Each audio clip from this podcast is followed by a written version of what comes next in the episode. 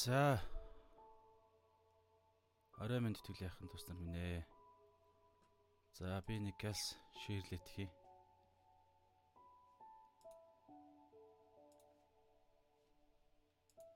Энийгээ ширлээ дөө. Авш юуруу орж ягаад. За би гэлс ширлэт. За өнөөдөр Йохан номын маань сүүлийн хэсгээр Йохан ном маань өнөөдөр өндөрлөх гэж байна.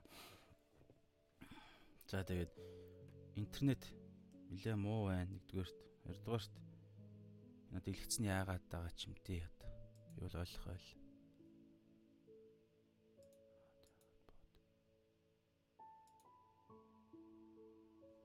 Тэг энэс илүү сайн гарахгүй юм байна л да ерөнхийдөө бол интернет муу байгаа болохоор одоо энэ дэлгэц мэлгэцэн ингэж байгаа юм уу? За ямар ч байсан гэсэн бүгдээрээ аа За. За. Аа, бүгд хамтдаа өнөөдрийнхэн хэсгийг үзнэ. За одоо Бегал ширлэт. Та ер нь юугаараа ширлж идөө. За та дэлхийг сарж байгаараа. Йохан 21-ийн 20-с 25 гэд хэсгээр өнөөдөр юм аа. Өнөөдрийн хэсэг маань эхлэх гэж байна. Тэгээд сүүлийн за 20 21 22 23 24 25 гээд 6 бүлгээ ишлэлээр өнөөдрийн ингээд Йохан ном маань өндөрлж байгаа шүү. За бүгд хамтдаа товчхон залбираад эхлэе. Эзэн минь энэ цагийн төлөө би талархаж байна. Тэгээд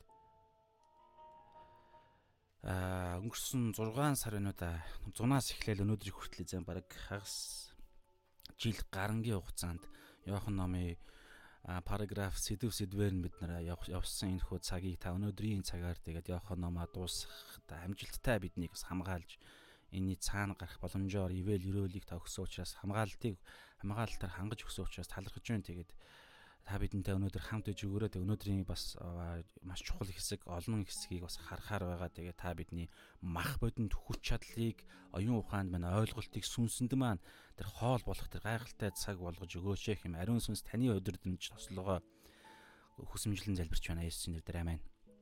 За тэгээд эзний амараа молонгаар мэдчилж байна. За тэгээд бүгд хамтдаа унши өнөөдрийнх хэсгээ. За одоо бүүм мэд мүүд. Интернет мэлээ муу байна. Тий. Тэгээд ямар ч үсэн гэсэн видео рекорд хийдэг учраас тэгээд ямар ч үсэн интернетийг төр орхиод тэгээд шууд явъя гэж бодож байна. Тэгтээ дундуур нь тасалдахгүй бол аудио бол гайгүй байх гэж бодож байна. Гэтэ би дэлгэцийн жоохон томруулчих. За ингээд бүгд хамтдаа уншия. Хамгийн боломжтойгоороо дэлгэцийг ингэж томрууллаа шүү. За байж би энд нэг газ нэг юм Энийг ингэх юм биш тэгэхээр чинь. гэж бод. За нэг иймэрхүү. За бүгдээрээ уншнаа хөө.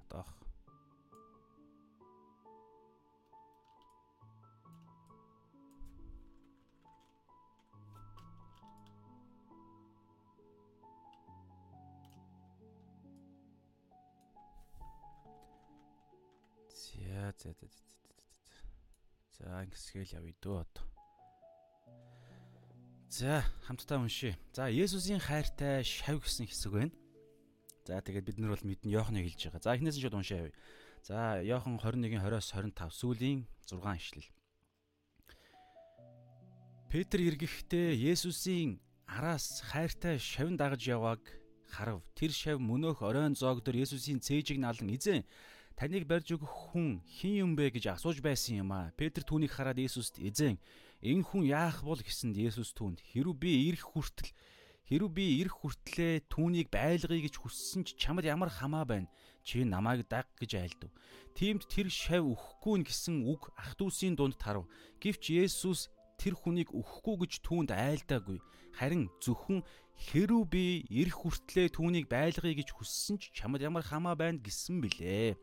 Эдгээрийг гэрчилж эдгээрийг бичсэн нь энэ шав юм аа. Түүний гэрчлэл үнэн гэдгийг бид мэднэ. Есүсийн үйлдэлсэн бас өөр олон үйлс бий. Хэрв тэдгээрийг нэг бүрчлэн бичсэн бол бичигдсэн номуудыг нь энэ ертөнцч багтаахгүй байхсан гэж би боддог. Ингээд Йохан ном маань дуусч байна. Гайхалтай ном байлаа. За тэгээ бүгд хамтдаа Аа хараад явъя. За би нэг дууга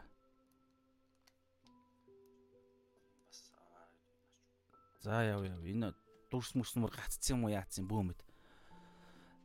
За ямар ч байсан гэсэн манайхан комент хэсэг дээр юу дүрс нь гаццсан байна уу те?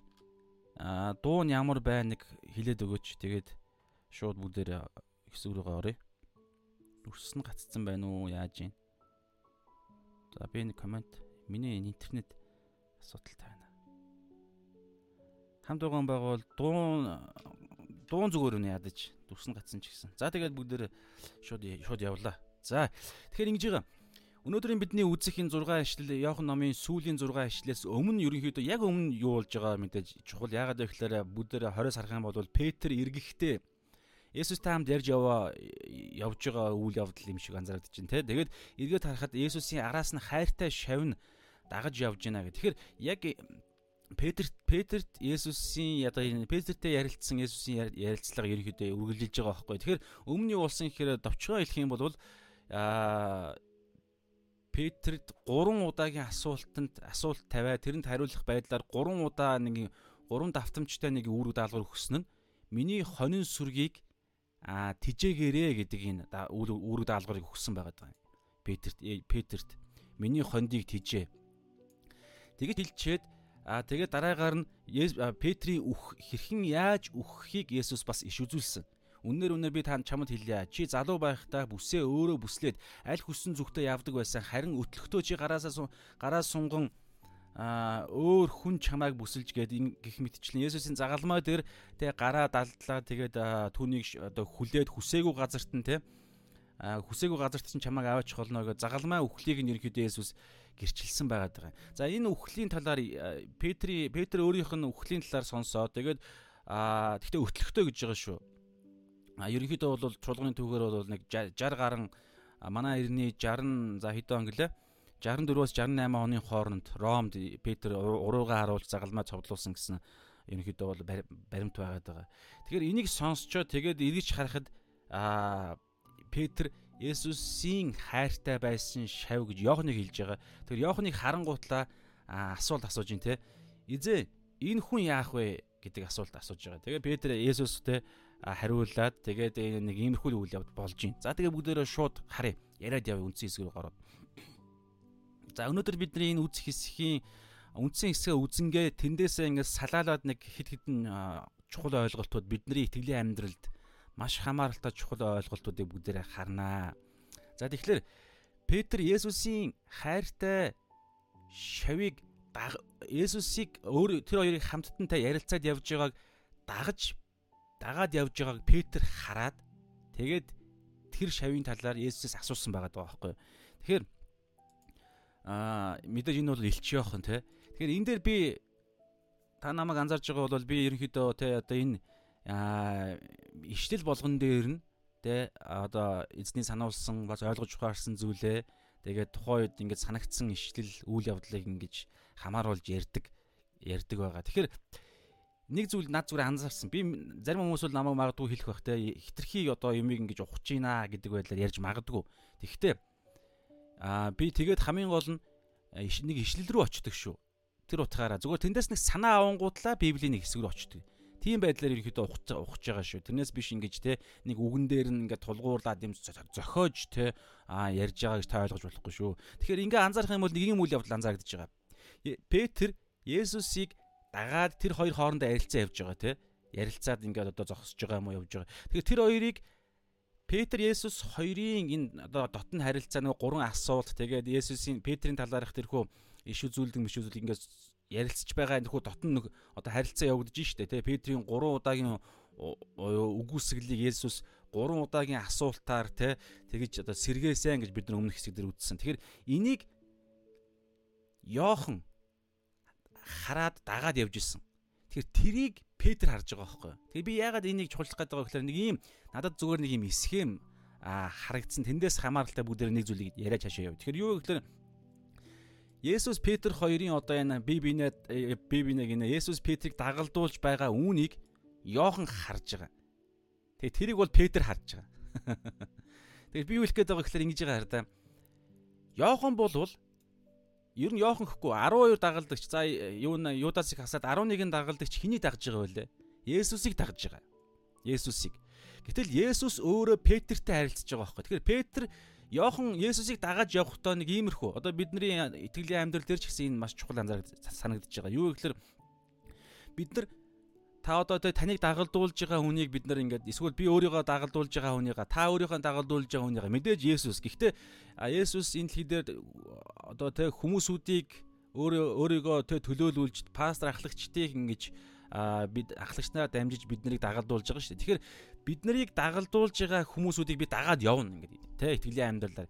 Энэ процесс дунд өөр бас хин нэгнийг дагалдуулж байгааг ч гэсэн бид нар харна гэсэн үг байхгүй? Одоо энэ дээр харах юм бол Йохан Есүс одоо өөрийг нь өөрийг нь тэ өөрийгөө өөрийг нь дагалдуулж байгаа Есүс өөр нэгэн дагалдагчийг одоо дагалдуулах гэдэг юм уу харьцаж байгаа тэрийг Йохан харж байгаа. За энэ иймэрхүү та бодчоорой. Тэгээ Петр аа Петр өмнөх өмнөх хэсэг дээр та нэг зүйлийг санах юм бол ингэж байгаа шүү дээ. Есүс миний хонин сүргийг тэ миний хонин сүргийг хариул. Ерөнхийдөө юу юу гэсэн үг вэ гэхээр Петр бол Есүсийн дараагийн за одоо би энэ дээр бол CEO гэдэг ёо англиар нь хэлсэн. Ерөнхийдөө бол Есүсийн яг дараагийн өдөрдөгч байгаа даа байхгүй. Тэр утгаараа миний хонин хургнуудыг тижээ, миний хонин сүргийг хариул тижээ, миний хонин сүргийг тижээ гэдэг гурван удаагийн давтамжтай хэлсэн шүү дээ. Тэгэхээр энийг энэ үгийг сонсоод нэгдүгээрт тэгвэл Йоохныг та юу Йоохныг тэгвэл Йоохны талаар юу хэлэх вэ гэсэн үг шүү дээ, тэ? а миний хайр Есүсийн хайртай шав. Тэгвэл Йохан яах болж байна? Нэгдүгээрт. Хоёрдугаарт түрүүн би хэлсэн те өмнөх хэсэг дээр а Есүс Петрийн хэрхэн яаж үхэх талаар хэлсэн. Тэгээ өтлөгтөө тэгнэ гинэ гэд. Тэгээ энийг бас бас энэний дараагаар нь тэгвэл Йохан яах вэ гэдэг байдлаар ярьж байгаа байхгүй юу. Тэгээ энэ дээр бүгдээ нэг жоох юм ярилцаад. Тэгээ түрүүний миний ярьж ирсэн энэ дээр нэг зүйл рүү нэг жоо орох гэд хичээе. Тэр нь юу вэ гэхээр аа Ром 1-ийн 11-ээс 12 дугаар ишлэг бүдээр гаргадаг юм. Ром 1-ийн 11-ээс 12. Учир нь та нарыг батжуулахын тулд сүнслэг зарим билгийг та нартай хуваалцсан гэсэндээ та нарыг харахыг би ихэд хүсдэгэ. Өөрөөр хэлбэл та нарын дунд байхдаа бидний хин хин нөгөөгийнхөө би та нарын та нар миний итгэр миний итгэлээр хамтдаа зориг зоригчсан билээ. Зоригч гэдэг үг. За Ром 10-ын а 24-өөс 25 хайр болон сайн үйлсийг бадраахын төлөө нэг нэгнээ анхаарч хамтран цуглыг умартан зуршил болгосон зарим хүмүүсийг бишээ еврей 10-ын 25 24-өөс 25 шүү хамтран цуглахыг умартан зуршил болгосон зарим хүмүүсийн хүмүүсийг үл дагаж харин нөгөө өдөр ойртож буйг харах тусмаа бие биенээ улам зоригжуулъя. За эвэндээс би юу хэлхийг хүссэн бэ гэхээр нэг юм байгаад байгаа байхгүй. Аа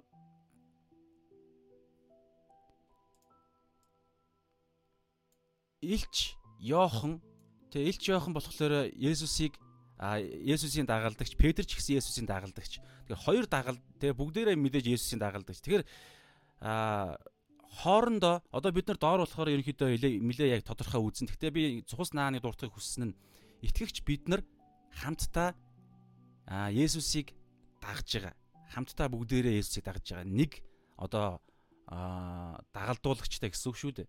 Тэгээ бас Еврей 14-ийн за 13-ын 7-ыг уншчаа тэгээд бүгд товчгоо нэг зүйл хаалзаадах юм. Еврей 13-ын 7 та нарт Бурхны үгийг ярьсан өдөртөгчдөө сан тэдний амьдралын хэв байдлын үр дүнг эргцүүлж итгэлийг нь дуурай. Тэгэхээр түрүүн би Ром 1:11-ээс 12, Еврей 10-ын 24-өөс 25 гээ ишлүүдээр анзаарах юм бол түрүү хэлсэнчлэн жишээ нь Ром 1:1-ээс 11 дээр 12 дээр ингэж байгаа байхгүй юу? Ром 1-ийн 11-ээс 12 дээр Ром Паул Ромд байдаг итгэгч нар дээр очихыг хүсэж байгаа. Зорилго нь юу вэ гэхээр би та нарын итгэлээр та нар миний итгэлээр хамтдаа зоригчхийн тулд зоригчхийн тулд Еврей 10 дээр ч гэсэн те хамтран цугласнараа хамтран цугласнараа харин нөгөө өдөр ойртож буйг харах тусмаа би биенээ улам зоригжуулъя. Хамтран цугласнараа би биенээ зоригжуулна. Тэгэхээр юу хэлэх гээд байгаа гэхээр доор доошоо бид нар яг дэлгэнгүй үзсэн. Гэхдээ товчхон юу хэлэх гээд байгаа гэхээр бид нар бүгдээрээ Есүсийг өөр өөрсдийнхөө замаараа дагж байгаа. Гэтэ ялгаатай ялгаатай дуудлага, ялгаатай ялгаатай замаар дагаж байгаа. Тэгээ ингэж дагаж явахдаа бие биенээ харах. Хараад тэгээд тэгснээрээ бие биенийгээ урамшуулах, бие биенээ зоригжуулах. Тэр хүн еврей Ром дээр хэлсэн шүү дээ.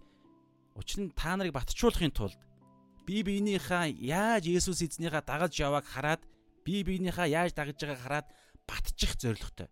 Тэрнээс биш доор биднээс хуваалцсан. Юу гэхээр хоорондоо өрсөлдөж болохгүй.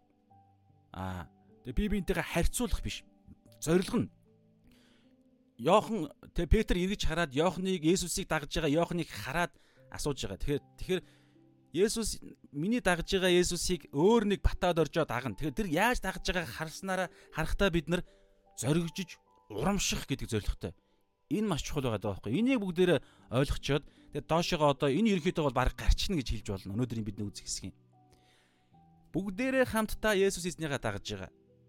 Тэгвэл ялгаатай ялгаатай зорилгоор ялгаатай ялгаатай бэлэг ариун сүнсний бэлэг өгөгдөл ялгаатай ялгаатай төлөвшөлттэй ялгаатай ялгаатай үр дүн тэ үр дүн янз бүрийн тэгэхээр энэ бүгдийг би бие биенээ харахтаа ганцхан зорилготой. Бие биенээ урамшуулах. Тэгээд ром нэг дээр хэлж байгаа ашлантай учир нь та нарыг батжуулахын тулд сүнслэг зарим бэлгийг та нартай хуваалцах гэсэндээ та нарыг харахыг ихэд хүсдэгэ Тэд нар хуваалцах гэдэг нь өөрөөр хэлбэл та нарын дунд байхдаа бидний хин хин нөгөөгийнхөө би та нарын та нар миний итгэлээр хамтдаа зоригчхийн тулд гэж байгаа байхгүй. Тэгээ түрүүн Ивэ Ардер бас хэлсэн те. Хамтран цуглаж байгаа зорилго нь бол бие биенээ урамшуулахын тулд дээр нэмээд хайр болон сайн үйлсийг бадраахын төлөө. Бие биенээ ингэж хамтдаа бие биенээ Есүс эзнийгээ бүгд тус тустай дагаж явахдаа бие биенийгээ яаж дагаж байгааг харахтаа бие биенээ хайрлах Тэгээ би биенээ тэр сайн үйлсээр бадраах гэдэг иймэрхүү би биендээ гэрчлэл болно гэсэн үг. За энийг та ямар ч байсан бодчихоорой. Ерөнхийдөө энэ одоо ерөнхий энэ нэг энэ санаанд дор бид нар өнөөдрийн хэсгийг үзэх юм байгаа юм. За тэгээ бүгдээрээ цаашаа харъя. Үнцэн эсрэг орё. Саяны хэсэг дээр нэг жоохон аа тайлбарлах жоох хэцүү байсан ч гэсэн та ерөнхийд нь бол гадралсан байгаа байх гэж бодож байна. За тэгэхээр эзэн ингэж байгаа аа хаана вэ? 20-т Петр эргэхдээ Есүсийн араас хайртай шавн дагаж явааг хараад харав. Тэр шав за тэгэнгүүтлээ тэр шав нь одоо энийг Йохан бичиж байгаа шүү. Тэгэхээр тэр шав Йохан бол өөрийгөө юу хэлж байгааг гэхээр түрүүн бид нар үзсэн те. Есүсийн хайртай шав. Тэгэхээр онцгойлоо энд Йохан өөрийгөө нэг нэг одоо мэдээж бид нар урд нь үзсэн те янз бүрийн байдлаар Петрийг үтсэн юм байна. Йохан ч гэсэн ялгаа байхгүй те. Янз бүрийн байдлаар сайн үйлчлэлийнх нь 3 жилийн хувьд Йохан Есүс хоёрын хоорондын харилцаа явагдажсэн. Гэхдээ Йохан Йохан маань номоо дуусгахдаа нэг үйл явдлыг сонгож өөрийгөө тодорхойлж байгаа байхгүй. Та та хардаа тэр шавь нь мөнөөх оройн зоог дээр Есүсийн загалмай цовлогдохын өмнөх оройн зоог дээр дээврийн үенд те оройн зоог дээр Есүсийн цээжийг налан За хэлсэн энэ үгийг та анзаараарай. Эзэн таныг барьж өгөх хүн хэн юм бэ гэж асууж байсан тэр шав юм аа гэж хэлж байна. Йохан өөрийгөө Йохан өөрийгөө бичиж байгаа шүү дээ. Тэгэхээр тэр Йохан өөрийгөө юу хэлж байгаа гэхээр эзэн за та дэлгэцийг хараарай. Гэхдээ интернет муугаа болохоор магадгүй нэгтэрчлэн байгаа байх. Эзэн таныг барьж өгөх өгөх хүн хэн бэ гэж асууж байсан тэр шав байгаад байгаа. За энэ бол хаана гарч байгаа гэхээр Йохан 13 дээр гарч байгаа. Гэхдээ би нэг хэдийн ишлийг танд харуулъя. Уншиж өгье. За Иохан 13:23 Шав нарынх нь нэг Есүсийг Есүсийн хайрлсан хүн Есүсийн цээжийг налаа сууж байла. За 25 Есүсийн цээжийг налан байхдаа тэрээр эзэн тэр хин юм бэ? Таныг барьж өгөх хүн те хин юм бэ гэж асуухад Иохан асуусан. За энэ та анхааралтай ингээд тогтож ойлгохыг хичээгээ та ингээд сонсоор. Иоханоос цээжийг нь алж байсан Иохан Есүсээс асуусан. Мэдээж Петр бол хилдэг те чи асуучаач гэд хэлдэг. Тэгээд Йохан бол асуудаг. Асуудаг нь хүн нь бол. Тэгээ ингэдэг хараа эзэн тэр хин юм бэ? За энэ Йоханы асуусан асуултанд Есүс энэ бол би энийг бол хувьдаа чухал гэж үзсэн шүү. Өнөөдөр энэ хэсгийг би ерөнхийдөө бол өөрөө ингэж одоо тэ одоо судалж явах үед ариун сүнсний сануулснаар би гаргаж байгаа тэр утгаараа аа ярьж гин. За тэгэхээр Есүс Йоханы асуусан асуултанд 13 26 дээр энэ талхыг би дүрээд хэнд өгөн тэр тэр нь мөн гэж хариулаад далхны хилтерхийг дүрж Искариотын Симоны хүү Юдаас өгчээ. 27 далхны хилтерхийг аваад түүнд сатан шүглв. Тэгтэл Есүс Юдаст үйлдэх юмаа түргэн үйлд гэлээ. За одоо сонсоорой. Харин Аа за яаж байгаа. Манайхын дуу мууны асуудалтай байна уу? Шулаам. Үе үе бага зэрэг гацаад байх шиг байна. Гацаад байна гинэ. Харин тийм ээ интернет манайхаа үнэхээр муу байна. Тэгэхээр э, би боломжоор та бүгд маань ингээм хамт ээж байгаад би төгсгөлд нь яа. Шууд нөгөө нэг рекорд хийснийгаа дахиад апплод хий гэж бодож байна. Шинжэнгөө хамаагүй апплод. Интернет муу байгаа байхгүй. Гэхдээ би хуурийнхаа дагуу шууд явъя гэж бодож байгаа шүү. Та нар ойлгоо ойлгоорой. За тэгэхээр ингэж байгаа. За дүрсэн гацаад дуу нь зүгээр байгаа бол яах вэ те эхний байдлаар. Би тэгээ дүрс сайтаагаар дахиж оруулна. Гацхгүй байдлаар. Тэгэхээр ингэж байгаа. 28 Йохан 13 28 Харин духлан суугчдын хинэнч юуны улмаас Есүс тэгж хийлснийг мэдсэнгүү. За би яагаад энийг ярих гэдэг вэ гэхээр нэгдүгээр ингэсэн шүү дээ. Төрөө. Петр эргэж хараад Есүсийн хайртай байсан шав өөрийг нь дагаж явааг хараад одоо нэг асуулт асууж байгаа байхгүй юу. Тэгээд тэр шав бол ямар шав бэ гэхлээр гээд Йохан өөрийгөө тодорхойлохдоо энэ хэсгийг нөгөө нэг эзний зоог Есүс дагалдагч нарынхаа хөлийг уваадаг энэ үдэш болсон нэг үйл явдлаар яахан өөрийгөө тодорхойлж байгаа. Тэр тодорхойлолтыг нь би яахан энэ тодорхойлолт төр өөрийгөө тодорхойлоод яахан нам ерөөдөө дуусч байгаа байхгүй. Тэгээ энийг би хувьдаа бол чухал гэж хараад байгаа. Яагаад вэ гэхээр одоо бид энэ хуваалцсан. За эхлээд энэ дээр нэг хитгэн юм анзаараадах юм. Тэгэхээр ингэж байгаа. Тэ яа шавнырийнх нь нэг Есүсийн хайрлсан Есүсийн цээжийг налаад сууж байлаа. Тэгтэл Симон Петр түүн рүү дохиж хиний тухай ярьж буг асуугач Та нар нэг надаас урна гэж хэлснийхэн дараагаар нь Йохан одоо асууж байгаа. Есүс эзэн тэр хин юм бэ? Тэгэхээр юу вэ гэхээр хардаа сүнслэг тэнгэрлэг нэг илчлэлт байгаа байхгүй юу? Тэнгэрлэг илчлэлт. Энийний одоо энэ илчлэлт гэдэг үг бас чухал мэдээж. Тэгэхээр та одоо нэг юу хэлэх гээд байгаа анзаарж байгаа. Тэнгэрлэг илчлэлт. Та одоо бодлоо. Есүсээс Бурханаас гэсэн үг шүү дээ. Бурханаас Есүсээс зүгээр нэг одоо фарисей одоо тэ Йохан 1:11 дээр байдагчлан өөрийнхэндээ ирсэн боловч өөрийнх нь түүнийг хүлээж авсангүй гэдэг яхаа 12 дээр 1:12 дээр харин өөрийг нь хүлээ авсан болгоно гэд энэ энэ ишлэл дээр хилдэгчлэн фарисеучуд, юдэчуд, израилчуудаас Есүсийг урваа дарж өгөх гэдэг талаар яриаггүй шүү дээ. Есүсийн дагалдагч гэж Есүсээр сонгогдсон 3 жилийн турш хамт явсан найз нь дагалдагч нь болох 12-оос нэг нь урах гэж байгаа юу? Сатан энэ төвшөнд дотны хүмүүсүүдээс нэгийг нь бүдрүүлж залгиж чадж байгаа юу? Тэгэхээр энэ төвшний энэ тэнгэрлэг гэж хэлж болно, сүнслэг гэж хэлж болно. Тэр нэг юм одоо сүнслэг тулаан гэдэг юм уу? Тэнгэрлэг энэ нэг үйл болох үйл явдал дундаас онцгойлон бүр тодорхой 12-оос нэр зааж нэгийг одоо хэлэх гээд нь дээ. Тэнгэрлэг илчлэлт гэсэн үг ирээдүйд болох юмнаас бүр тодорхой нэг юм тэмдэг бүхий, нэр бүхий нэг илчлэлтийг Есүс хэлэх гэж байгаа байхгүй. Энэ илчлэлтийн асуултыг нь хэн асууж байгаа гэхээр Йохан асууж байгаа.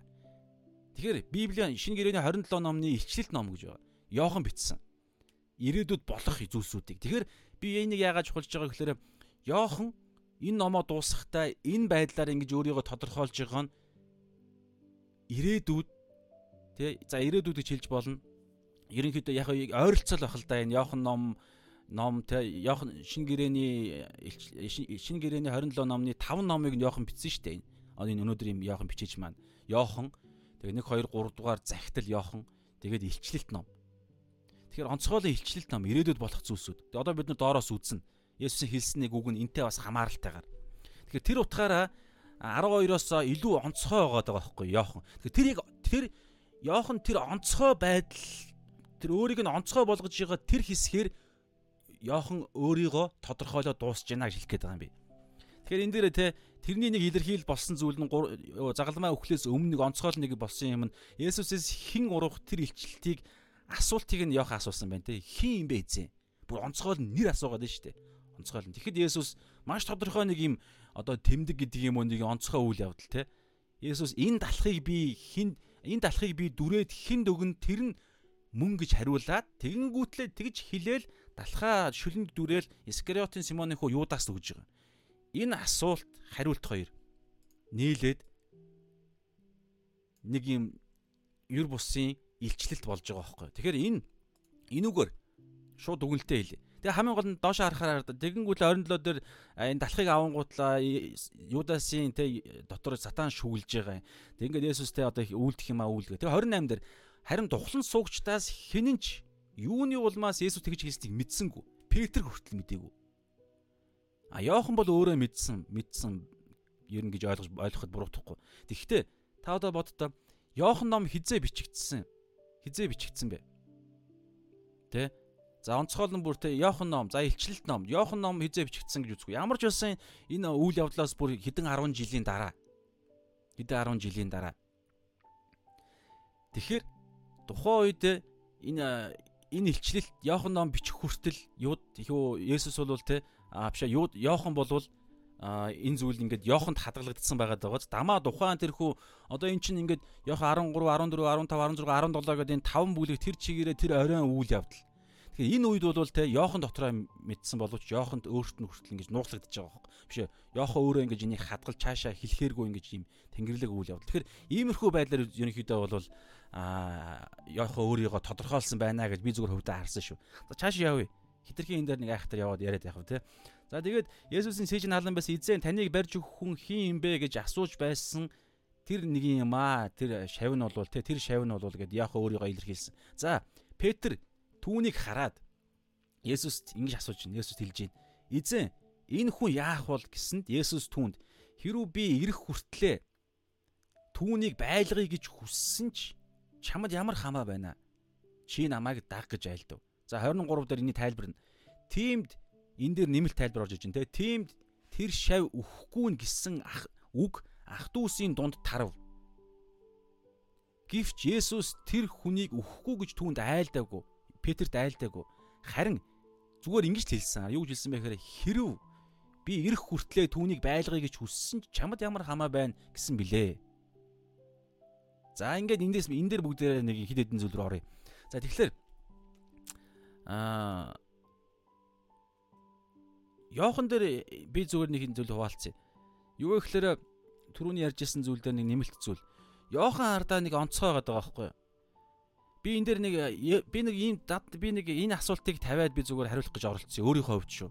Өөрөө яг өнөөдөр хэсэж байгаа ерөөдөө бол өөр дээр цаг маг илүү нэмэлт юм бас судалж амжсангүй. Нэг л их сурвалжаас хараад нэмэлт нэг жоох юм харсан. Тэгэд юу гэхээр ингэж байгаа ардаа Йох би нэг ийм асуултыг тавих хүссэн байхгүй? Петр Есүс Петр хоёрын хооронд юм болж байгаа. За тэгээд те нөгөө нэг э, Аннасын те тэрүүн дахилчийн хашаан дотор нөгөө нэг энэ гал тойрд сууж байгаа те харуулууд болон шивгчэнгүүдтэй хамт те шин дулаацаад ингээд гал тойрж байх үедээ Петр 3 удаа Есүсийг үгүйсгдэг. Энэ үйл явдлыг ингээд итгэлээр унсан гэсэн үг шүү дээ. Энэ уналтыг нь сэргээхийн тулд Есүс бас адилхан те энэ хүү энэ Тибер гол Тибер нуур буюу Галил Тибер нуур Галил нуур адилхан шүү. Галил нуурын эрэг дээр Есүс галт хүлцсэн байгаа байхгүй. Яг адилхан тэрхүү уналтынх нь яг үйл явдлыг нь яг адилхан давтаад сэргээхийн тулд яг адилхан тэр тайзыг нь хүртэл ингээд тэ одоо засцсан байлаа гэж бид нар үзсэн шүү дээ. Тэгэхээр ингээд иймэрхүү байдлаар ингээд тэ Петрийг сэргээх нь юр бусын үйл явдал болж байгаа. Тэгээд ингээд түүний талаарх иш үзүүлэг миш үзүүлэг зөвхөн Есүс Петр хоёрын үйл явдал болж байхад Петр эргэж харангуйтлаа Йоханы талаар асууж байгаа байхгүй. Тэгэхээр мэдээж энэ асуултыг ч гэсэн Йохан энэ асуултыг энэ ингэж холбоод Йохан өөрийнхөө номыг ингэж дүгнж байгаа мэдээж а юу дүгнээд ерөнхийдөө дүгнэлтээр Йохан номоо дуусгаж байгаа. Гэхдээ би Петр яагаад энэ асуултыг асууя гэж би зүгээр ингэж асуулт тавиад дотор жоохон бодох гэж оролдоход над нэг ийм бодол төрж байгаа байхгүй. Йоханы нэг онцлог байгаа. А өнөөдрийг хүртэл би тэ хэдэн сарын турш Йохан номын судалсны хувьд ингээд ерөнхийдөө нэг мэдрэмж онцлог байгаа. Юу гэхээр Йохан эцсээ Есүсийн загалмай дээр өөхөх хүртэл Йохан а эцсээ хүртэл хамт байсан цорын ганц дагалдагч байгаа байхгүй юу? Эрэхтэй дагалдагчудаас тэрийг Петр өөрөө мэдж байгаа. Тэгэнгүүтлээ Петр бол тэ 3 жилийн хугацаанд үргэлж удирдахчаараа байсан. Тэгээ бид нар өмнө ч үзсэн төрөлхийн удирдахч зантай. Тийм ч учраас Петр бурхан аав нь гэсэн Матай 16-гийн 16 дээр бурхан аав Тэнгэрээс чуулганы сүр болсон илчлэлтийг Петрт өгсөн. Тэгээ дээр нэмээд өнөөдрийн өмнөх хэсгээр бид нь үтсэн. Петрийг Иерусалимийн чуулганы удирдгчаар Есүс өөрийнхөө одоо тэ халам халамж залгаагаар Петрийг сонгосон. Гэтэл тэр Петр яасан бэ гэхээр 3 удаа Есүсийг үгүйсгэсэн байхгүй. 3 дахь дээрээ бүр хараал тавин байж үгүйсгэсэн. Петр үүнийгээ мэдж байгаа. Тэр утгаараа бид нар Матай 10 26-гийн эдгээр бол сүүлийн хоёр ишлэлээр үзсэн шүү дээ. Петр дахиад 3 дахь удаага үүсгэсэн чил дахиад онгоддог. За тэгээд өөр Йохан дээр өнө хаан дээр өнө а тэгсэн чи Есүс рүү харсан чи Есүс яг Петр рүү хардаг. Тэгээд гарч яваад гашуунаар үйлж байгаа. Юу гэсэн үг гэхээр өөрөө бүр маш тодорхой Петрийн хувьд үнэхээр хэцүү болсон. Өөрийгөө ингэж тэгээ удирдахч байсан мөртлөө үнэхээр би таны төлөө амиа өгөхөд бүртэл бэлэн байна гэдэг үнэхээр бодиттой сүулдэ хүртэл амиа өгдөг. Үнэхээр мондөг. Гэтэл тэрээр 3 удаа Есүсийг үгүйсгсэн загалмайд юу загалмайд совлогдоход нь юу хажууд нь байх. Бүр үгүйсгэж байна. Тэгээ ингэж доошоо унсан. За энийг ямар ч сан Петр өөрөө мэдж байгаа. Тэгээд тэгсэн чи хараа та зүгээр ингээ өөр дөрөө тусгаад өөр дөрөө ингээ та өөрийгөө орлуулаад та ингээ бодохгүй хичээгээрэй. Би Петр, та Петр гэсэн үг те. Тэгэхээр асар доошоо унтсан. Итгэлээр унсан. Бүр эзнийхээ найдлыг алдсан. 10 за Юдасыг асчи 10 нөгөө нэг 10 найзуудынхаа одоо өөрөө баг дагалд одоо юу өдөрдөгч тэр өөрийнх нь доор байгаа гэж хэлж болно шүү дээ. Йохан мохон бүгд орж байгаа. Аа тэгэхээр тэр 10 найзынхаа хүртэл итгэлийг алдсан. Эзнийхээ хүртэл итгэлийг алдаад урвсан бохгүй юу? Урвахч байх уу? Үгүйсгсэн. Итгэлээрээ ингэж тухайн үед тэр үгүйсгэлчийн тодорхой хэмжээнд бас уруулч штэ. Тиймэрхүү зүйл хийснээр Петр өөрөө мэдж байгаа. Тэгсэн чинь Есүс яасан гэж түүнийг 3 удаа тэр Есүсийн хариуд нь бүр 3 удаа миний хондийг тижээ, миний хургнуудыг тижээ, миний хондийг тижээ гэд өөрийнхөө залгааг өөрийнхөө одоо тэ өдөрдөгч Иерусалим чуулганы Тэнгэрийн аанчлалын бараг тэ өдөрдөгч гэсэн үг шүү дээ тухайн үед. Тэгээ тэрийг Петр төгж байгаа. Тэнгүүд миний бодлоор Петр нэг ийм бодол дүгнэлт хийсэн хийсэн юм шиг санагдаж байгаа байхгүй. Йохан Одоо та энэ асуултыг хар та. Энэ мэдээж нэг зөвхөн нэг өнцгөн шүү. Петр түүнийг хараад Есүст Эзэн энэ хүн яах юм бэ тэгээд? Энэ хүн яах вэ? Ягаад Петр гэж байгаа гэхээр бараг Йоох Петрт миний бодлоор бол те Йохан таныг эцсийн үрд тайрлсан те эцсийн үрдэл таныг ингэ дагаж явсан. Би баг Йоханоос миний итгэл Йоханоос дутуу штэ. Та энэ хүн тэгээ одоо яах юм бэ? Тэ? Би бол танд хайртай. Тэгээ та миний би бол хайртай минь үнэн. Тэгээ та миний хайртай а надад та энэ одоо тэ хонч энэ хариулахын тэ таны хонин сүргийг хариулахын эрхийг өгж байна. Гэтэ энэ яохоо яах юм бэ? Эцсийн үрдэл таны дагсан. Энд дээр та нэг би хэдийн ишлэг дурдаах юм. Аа Йохан 18-ийн Йохан 18-ийн 15 хитгэн ишлэг хэлэхэд л болно. Симон Петр бас өөр нэг мэдээж өмнө зөндөө юм болсон. Гэхдээ энэ дээр яг яг сүүлийн хідэн цагийн хооронд загалмай өхлийн өмнөх хідэн цагийн хооронд Йоханы онц онцлогийг би тэнд харуулъя. Симон Петр бас өөр нэгэн шав. Энэ өөр нэгэн шав гэдэг нь бол Йохан шүү. Йохан баггүй юу? За энийг бол баталгаадаа хэлж байгаа шүү. Олон э, баталгаа, судалгаа ингэж баталж байгаа. Тэгэхээр Симон Петр бас өөр нэгэн шав буюу Йохан, Йохан нь хоёр Есүсийг дагав. Бус нь бүгдээрээ тараа цухтаацсан байхгүй юу? Гитсмэн цэцэрлэгт. Тэрийг хүртэл иш үзүүлгийн дагуу хүртэл болсон. Хончныг нь зохиход хонин сүргэнд тарж бутруу гэдгийн дагуу боллоо гэд бид нар үтсэн хэсэг шүү дээ. Гэхдээ Симон Петр Йохан хоёр Есүсийг дагаа явж байгаа тэр шав нь тэр тэр шав буюу Йохан гэсэн үг те тэр шав нь тэргүүн дахилчийн таньдаг тул Аннас Кайф тэргүүн дахилчийг таньдаг гэсэн үг байхгүй таньдаг тул хашаанд нь Есүсийн хамт оров харин Петр хаалганы гадаа үлдэв тэгтэл тэргүүн дахилчийн нөгөө танил тэргүүн дахилчийн танил нөгөө шав Йоханыг хэлж гин гарч ирээд үүдний сахиултаа ярилцж Петрийг дотгош оруулав бид нар үздсэн хэсэг шүү дээ Йохан болвол тэргүүн дахилчийн таньдаг байсан байгаа. Ягаад гэхээр Йохан ингэ явж явж байгаад баптист Йоханы хамаатан байгаа байхгүй юу? Баптист Йохан Есүс өөрөө баптист Йоханы хамаатан шүү дээ. Йохан 12-ын нэг болох Йохан ч өөрөө Есүсийн бас хамаатан. Тэр утгаараа загалмаа дээр өгөхтэй одоо бид нэшлэн хараалъя. Ээжийнхээ өртөл Есүс Йоханд даатгадаг. Тэгэхээр Есүс, Йохан, баптист Йохан энэ гурав чинь хамаатнууд байхгүй юу? Тэгэхээр баптист Йоханы аав нь хэм бэлээ? Зихараа гээд дахилч шүү дээ. Тэргүүн дахилч биш гэхдээ дахилч нөгөө нэг баптист Йох Лук номон дээр гардаг шүү дээ. Баптист Йохын хэрхэн төрөх талаарх Габриэлийн иш үзүүлэг дээр аав нь Захария нөгөө нэг дахлынхаа үйлчлэлийг хийж явах үед Габриэл ирж Йохантай ярилц ёо Захариатай ярилцдаг. Тэр утгаараа хамаат юу тэрүүн дахилчийг таньдаг байсан учраас Петрийг оруулсан байгаа. За энэ нэг ишлэн. Тэгэхээр 12 цухтаахад Йохан Петр хоёр дагаж явсан. Йохан өөрөө төрүүлж орсон. Тэгээд Петрийг бас шивгчэнтэй ярьж байгаад оруулсан. Дараагийн ишлэл. Йохан 19. Йохан 19-ийн 26-аас 27. Есүс эхийгэ болон хайртай байсан шаваа нөгөө хиллэг байгааз хайртай байсан шаваа ойр зогсохыг хараад ихтэй ээждээ эмэгтэй хараач хүүчин гэв. Дараа нь шавьда хараач игчин гэж айлдав. Тэр цагаас цагаас шав нь эхийг нь гэртээ аваач. Хамаатлууд байсан хэвгүй? За тэгэхээр ийм зэрж байгаа. Тэгээд энэ ийм хоёрхан ишл. Тэгээд бас нэг ер нь олон юм байгаа шүү дээ. Тэгээд бас нэг хоёрхан дахиад нэг юм дурдъя. Нэг нь юу гэхээр үхлээс амилсныхын дараагаар нь хоосон булшийг хараад хамгийн түрүүнд итгэсэн хүн бол Йохан байсан амилсан Есүс биш зөвхөн хоосон булшиг нь хараад итгэсэн. Хоёрдугаар түрүү нөгөө өмнөх хэсэг дээр бид нь үзсэн те долоон дагалдагч нар Тибер нууран дээр э, загас барьж явах үед үл таних хүн ирээд ингээд юм харилцаа болдог. Тэгээ дараагаар нь загас мас баригддаг. Үүнийг харангуутлаа хамгийн түрүүнд Йохан Есүсийгээ бас таньдаг. Дууг нь зөвхөн хоолойг нь сонсоод. Энэ мэдчлэн Йохан нэлээ онцгой байгаа байхгүй. Тийм учраас Петр үүнийг мэдчихсэн. Тэр утгаараа та намайг ингэж ингэж те чуулганаа хаанчлаа хариуц юу те хончлох юм загасчлах энийг хариуцуулж байна. Тэгвэл яага яах юм бэ? Ийм мундаг хүн гэдэг байдлаар. За ингэ чааш яваа үзэр. Тэг иймэрхүү байдлаар асуусан. За энэ энэ асуултанд иймэрхүү байдлаар асуусан гэж бодож байгаа. За хоёрдугаар бас нэг байдлаар яг бодсон юм нь Есүс Петрийн яаж үххийг хэлсэн шүү дээ. Тэ? хөтөл болохоро ингэж те ерөнхийдөө бол гараа сунгаад тэгээд хүсээгүй газар очноо гэдэг байдлаар те тэр нь бол хүсээгүй газар буюу хоригдоод ромд өгч байгаа гараа сунгах буюу загалмайд ингэж хадагдаж үхнэ гэдэг юм ярьж байгаа. Тэгээ энийг сонсонгуутлаа бас бас нэг дотроо тэгдсэн байх могдолтой бодол нь юу гэхээр тэгвэл яах яах вэ? Энэ хүн яах вэ гэдэг байдлаар. За аль алин дээр нь яохон онцгой байгаа байхгүй. За бүгдээрээ цаашаа явъя. За тэгсэн чинь энэ асуултанд одоо Есүсийн хариултыг бүгдээрээ харъя. 22. Есүс түүнд хэрв би за энэ өнөөдрийн энэ үгний энэ хэрв гэдэг үг нь маш чухал шүү. За Есүс түүнд хэрв би их хүртлээ түүнийг байлгая гэж хүссэн ч чамд ямар хамаа байна? Чи намайг даг гэж айлдав.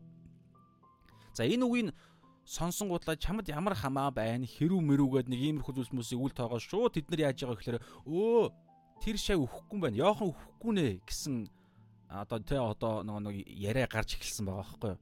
Гэхдээ Йохан өөрөө энийгээ бичиж штэ тэ хажууд нь дагаа явжсэн учраас энийг тэ одоо ингэж бичиж байна. Юу гэхээр гівч Есүс тэр хүнийг өхгүй гэж хэлээгүй. Би сонсч ийсэн гэдэг байдлаараа тэ тэгж хэлээгүй. Зүгээр л хэрүүг хараа харин зөвхөн зүгээр л зөвхөн хэрүү би ирэх хүртлээр түүнийг байлгая гэж хүссэн ч чамд ямар хамаа байна гэдэг өгүүлбэр хам сэдв байхгүй юу. Гэтэл дагалдагч нар яаж байгаа гэхээр өө яах өхгүй юм бэ? За энэ дээр бас чухал чухал юм ярилцсанаа. За тэгээд чухал нэг юм ярилцах юм. Тэгээд за 24 төр 24 25-ыг төр орох энэ бол дүгнэлт хэсэг. Тэгэхээр ингэж байгаа. Энэ хүн яах бол гэж асууж байна. Энэ хүнд энэ хүнд та юу даатгах вэ гэж асууж асуусан бай асуусан гэж хэлж болно. Ягаад тэгэхээр Йохан Петерт Есүс даатгсан шүү дээ. Миний хонин сүргийг тижээ, хариул тижээ Тэгвэл энэ хүнд юу даадах вэ? Ягаад тэгэхээр Йохан Петр хоёр бол нилээн тийм зэрэгцээ орж иж байгаа байхгүй. Петр яг Петр л өөрөө тэгж хараад байгаа ерөнхийдөө бол тэр нь ч гэсэн ортой байгаа байхгүй. Эцсийн хүртэл Йохан хажууд намд байсан байсан ингээд гих мэдчлэн зүйлсүүдтэй. Тэгээд Есүсийн 12-ын дотроо бол хамгийн дотны тойрог дотор бол Петр байгаа. Петр байгаа. Тэгээд Яаков Йохан хоёр байгаа. Гэтэ Йохан Петр хоёр бол онцгой хоёр байгаа байхгүй. Мэдээж яах үгээд ерөнхийдөө яриадаг. Тэгээд аа за энэ бол олон ярьсан хэсэг тэгээд цаг аваад явах. За тэгэхээр ингэж байгаа. Энэ хүн яах болж байна? Өөрөөр хэлбэл энэ хүнд юу даатгах вэ? Энэ хүн яах энэ хүнд юу тохиолдох бол эсвэл энэ хүнд та юу даатгах вэ? Яагаад гэвэл түрүүн хэлсэн те а Петрт бол даатгцсан. Хондийг нь даатгцсан. Бухны хаанчл гэсэн үг шүү дээ. Хонин сүргийг даатгсан. Дараагийн CEO Гэтэ Йохан биш. Йохан даатгаагүй. Петр даатгаж байгаа байхгүй. Тэгээ мэдээж эн чи юу штэ. Бүгд бүх итгэгч нар бүгд тус тусдаа ингээ тэ өөрсдийнх нь тэрхүү үүрэг даалгавраад. Гэтэ Петрийг онцгойлно тэр өдөртөгчдийн өдөртөгч байхаар. За энэ дэр нэг хэд хэдийн ярилцах хүсэж байна. Юу гэхээр гэтэ та ингэж бодоорой. Тэр нөгөө нэг Петр бол бас насныхаа тэ одоо нэг бүхсэнд гэдэг шиг тэ бас урт наслсан шүү. Түрүүн энэ дээр ч хэлсэн шүү. Өтөл насандаа гэж шүзүүлэг тэр ярьсан тийм. Аа харин чи өтлөгтөө гэд. Энэ бол тэ судалгаа бол манай эртний 64 он буюу энэ загалмай үйл явдлаас хойш 30 гаруй жилийн дараа тэгэхээр ойролцоогоор бүр 60-аад орч те 60 гаруй настай өвгөн болсныхаа дараа Петр бол загалмай татуулж хүч байгаа шүү. Тэгэхээр бол урд наслсан гэсэн үг. Ерөнхийдөө бол тухайн үеийн насжилч гэсэн иймэрхүү байсан байгаа байхгүй юу? Ерөнхийдөө бол нэг ирчүүд нь аа 50-аас 60 гэлөө 55 юу 50-аас 55-аас 60 гэлөө 50-аас 55 ч гэлөө нэг ер нь нэг ойролцоогоор 50-аас 60-ийн хооронд байсан байгаа даа байхгүй. Тэгэхээр Петр бол ерөнхийдөө бол наслах насаа наслсан гэсэн үг. За за тэгээд за бүгдээрээ нэг хэдийн юм харъя. Юу гэхээр одоо энэ дэр бүгдээрээ түр нэг юм эндээс нэг салаалаад нэг зүйл рүү оръё. Яагаад вэ гэхээр ямар өнөөдрийн хэсгээс яагаад яагаад энэ нэг одоо ярих гэдэг хэсэг рүү салаалж байгаа гэхээр ялгаатай бэлгүүд тэгтээ нэг сүнстэй гэдэг ийм хэсэг байгаа байхгүй бид нар одоо биний үсэх гээд байгаа хэсэг. Одоо би нэг хуваалцахыг хүсэж байгаа. Тэгээ энийг би яагаад өнөөдрийн хэсгээс гаргаж ирж байгаа гэхээр Петрийн асуулт байгаа. Ямар асуулт вэ гэхээр те за Есүсээ та надад ингэж юу хонин сүргээ надад даатгаж байна. Тэгвэл яах вэ яах вэ? би би ийм байдалтай те одоо та намайг ингэж харж гин тэгвэл та Йоханыг яагаад юу гэж харах вэ? Йоханы Есүсээ та Йоханыг юу гэж харж гин? Та Йохантай ямар харилцаатай байх вэ? Йоханд та юу даатгах вэ? Йоханд та юу өгөх вэ гэд Йохан Йохан гэсэн нэг юм Йоханы талаарх мэдхийг хүсэж байгааз энэ энэ хүслийг би зүгээр гаргаж ирэх гээд байгаа байхгүй юу? Та одоо хардаа бичээс дээр хүртэл Есүс яг энийг гаргаж ирж байгаа. Есүс түүнд хэрв би ирэх хүртлээр түүнийг байлгая гэж хүссэн ч чамд ямар хамаа байна гэсэн байдлаар. Йохан яан уу вэ нү тэ энэ хүний тэгээд яан уу Йохан бит хоёр яан уу юу Йоханд би юу даатах нь гэд тэ энэ дундаа ингээ Йохан Есүс ийм зэлж байгаа байхгүй. Хэрв би энэ хүний энэ хүнийг ирэх ирэх хүртлээр түүнийг байлгана уу яан уу чамд ямар хамаа байна. Харин чи намайг даг Чи өөрийнхөө бодох ёстой юм а бод.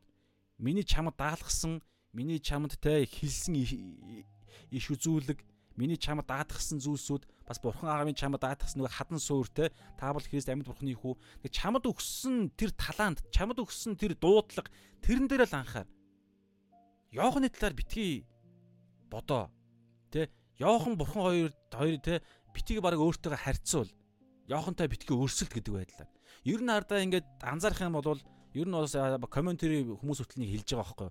Петр Йох хоёр ерөөдөө өрсөлдөж исэн байгаа даа. Ерөнхийдөө мэдээж нөгөө нэг гоё жоохон ийм далд гэдэг юм уу эсвэл найр одоо тий найрсаг байдлаар ч гэдэг юм уу. Та анзаарах юм бол Йохан хүртэл ингээд дандаа анзаарна.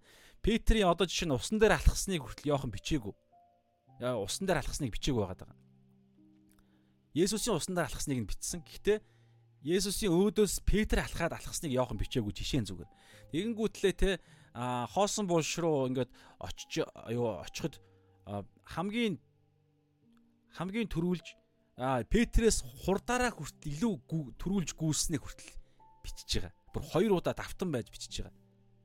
Тэгээ Петр түүний юу лээ нөгөө шав нь Петрээс төрүүлж гүйж очив гэдэг. Бүр хоёр давтан байж ингэж иймэрхүү байдлаар ерөнхийдөө ингээ анзаархаар мэдээж найзууд гэхдээ ингээд нэг юм жоохон нэг юм цайлган цагаан худал гэдэг шиг нэг цагаан өрсөлдөөн цаана байсан байгаа даа байхгүй. Тэгэхээр Петр ч гэсэн ингээд анзаарах юм бол тэ ингээд асуул масууд нэмэрхүү байдлаа. Тэгээ энийг ч гэсэн Есүс мэдж байгаа угаасаа хүн болгоны зүрхэнд юу гэдгийг мэдж байгаа. Тэр утгаараа Петрэ Йохан яана вэ нөө чамд ямар хамаа байна.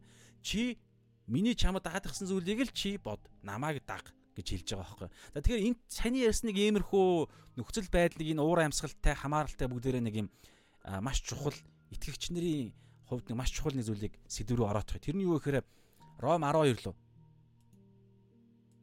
Ром 12-ийн 6-аас 8 дээр бидэнд өгөгдсөн нэгүслэр бидэнд өгөгдсөн нэгүслэр бэлгүүд маань ялгаатай. За одоо эндээс эндээс эхэлж байгаа. Бэлгүүд маань буюу дуудлагууд маань Есүсийг дагах, хувьчлан дагаж байгаа тэр хүнийг ялгаатай дуудлага, ялгаатай тэнгэрлэг өгөгдөл тэдгээр зүйлсүүд нь ялгаатай. Энэ маш чухал шүү. Одоо бид нар би бид бүгдээрээ ингээд хамтдаа Есүс эзнийгаа дагаад хамтдаа цуглаад хамтдаа те интернетээр ингээд янз бүр юм хамтдаа хамтраал нэг үйлчлэгээл хамтдаа явж байгаа боловч яалтчгүй тус тусдаа ялгаатай бэлгүүд байгаа. Та энийг хардаа Ром 12-ийн 6 бидэнд өгөгдсөн нэгүүлслэр нэг нэгүүлсэл. Гэтэ бэлгүүд маань ялгаатай. За цаашаа явъя. Иш үзүүлэг нь итгэлийнхаа хэрээр ялгаатай мөрт одоо би чааш хэлнэхдээ юу дүгнэхэд юу гэхээр ялгаатай мөртлөө тэр ялгаа одоо жишээ нь А гэдэг А Б В Г гэдэг шиг А гэдэг ялгаатай бэлгийг авсан А гэдэг хүн. Б гэдэг ялгаатай бэлгийг авсан бэлэг ялгаатай бэлэг ялгаатай дуудлага ялгаатай хувь тавилан. Тэгээ Б гэдэг хүн.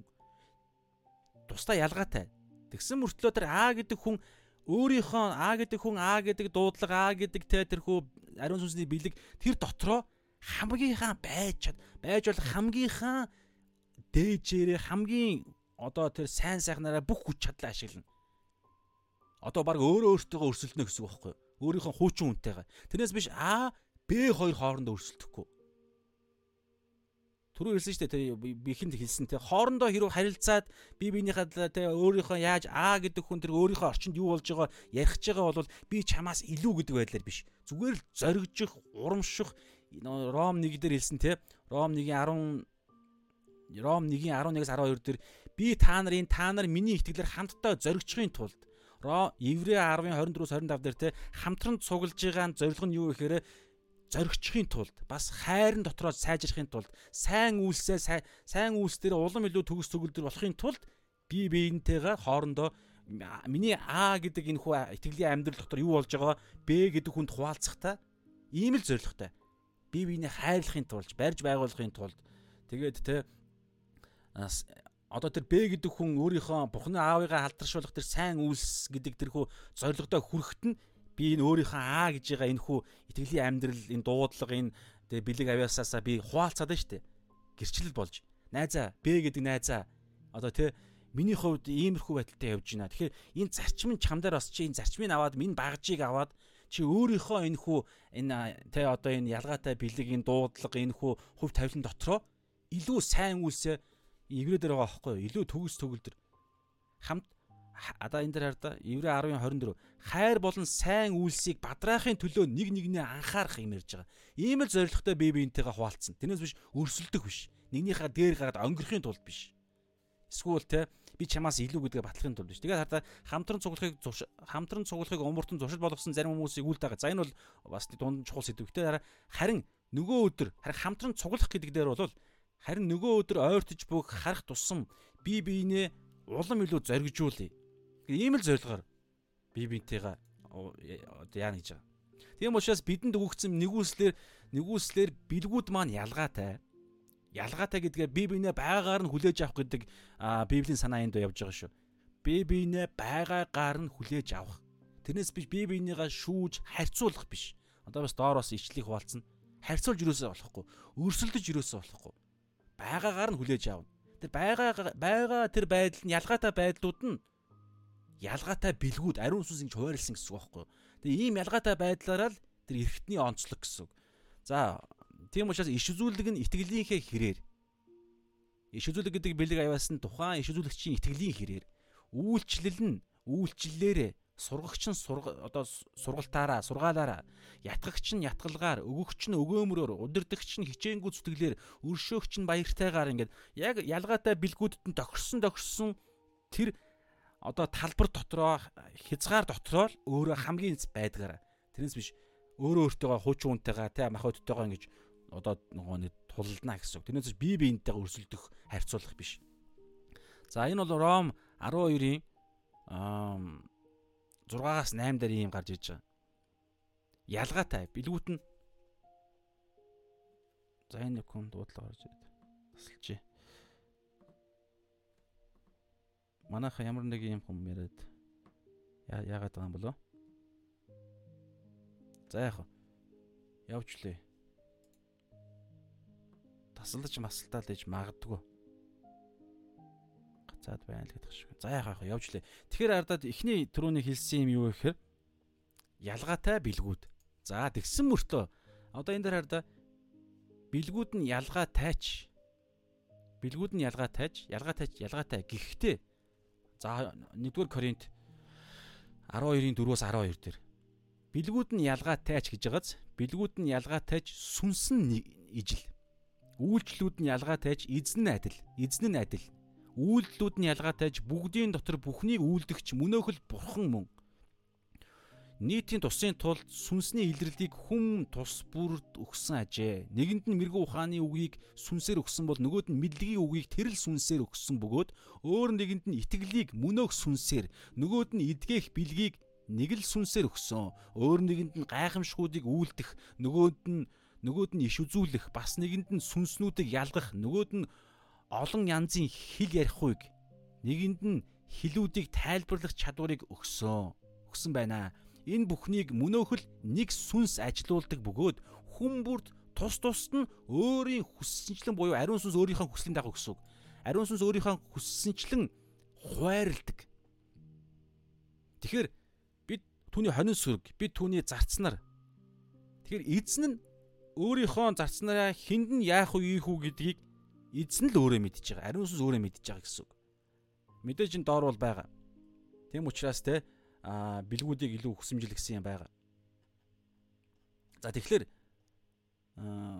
тийм учраас энэ дээр хараа ялгаатай мөртлөө бидний амьдрал ялгаатай мөртлөө одоо Петр Йох хоёр ялгаатай хөв тавилантай гэсэн үг байхгүй юу? Тэгэхээр Петр бол мэдэх гээд нь шүү дээ. Харьцуулаад байгаа байхгүй юу?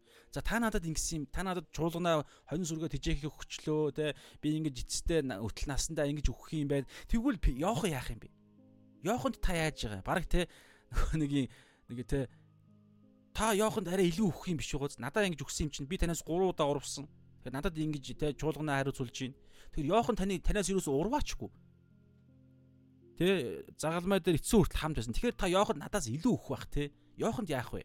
Иймэрхүү байдлаар Бурхны нууц тэнгэрлэг нууц руу ингэж баг мэтийг хүсээд байгаа байхгүй шун шунал юм уу эсвэл зүгээр ингэж те яаж байгаа.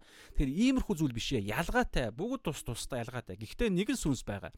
Тэгэхээр хараа үйлчлэлүүд нь ялгаатай. Гэхдээ хүнд үйлчилж байгаа юм. Үйлчлэлийг авж байгаа тэр нэг нь нэг л эзэн байгаа. Нэг л эзэн байгаа. А үйлдэлүүд нь ялгаатай. Тэр үйлчлэлийг үйлчлэлийг хийж явахдаа 1-р Коринт 12-ийн 4-өөс 12-ыг ярьж шүү товчхонд тэр үйлчлэлээ зөвхөн нэг эзэндээ бүгд ялгаатай ялгаатай үйлчлэлүүдээр үйлчилж байгаа. А тэгээд ялгаатай үйлчлэл тус бүрдээ үйлчлэхт нэг үйлдэл хийн штэ. Янз бүрийн одоо те үйлдэлүүд хийн. Янз бүрийн үйлдэл нөхцөл байдал үр дүн мөн гэд. Тэр үйлдэлүүд нь ялгаатай бас. Ягаад тэр ялгаатай үйлчлэл учраас. Тэгсэн мөртлөө тэр үйлдэлүүдийг тэр одоо те нэг хүнэнтэй сайн мэдээ тараагаал ингээл те нэг юм ер бусын хүн сайн мэдээ тараахтаа магадгүй эдгэж мэдгээгээл ингээл ер бусын боллоо. Тэгсэн чинь нэгэн тэгсэн чинь одоо юу гэдэг юм аа цуглаанда одоо те номлодог ч юм уу. Аа нэг нь болохоор те зүгээр нь улс төрийн нэг юм дээр одоо нэг ямар нэг юм хийдэг ч юм яадаг чинь те ялгаатай ялгаатай. Тэгсэн мөртлөө ялгаатай талбар бүр дээр нь болж байгаа тэрхүү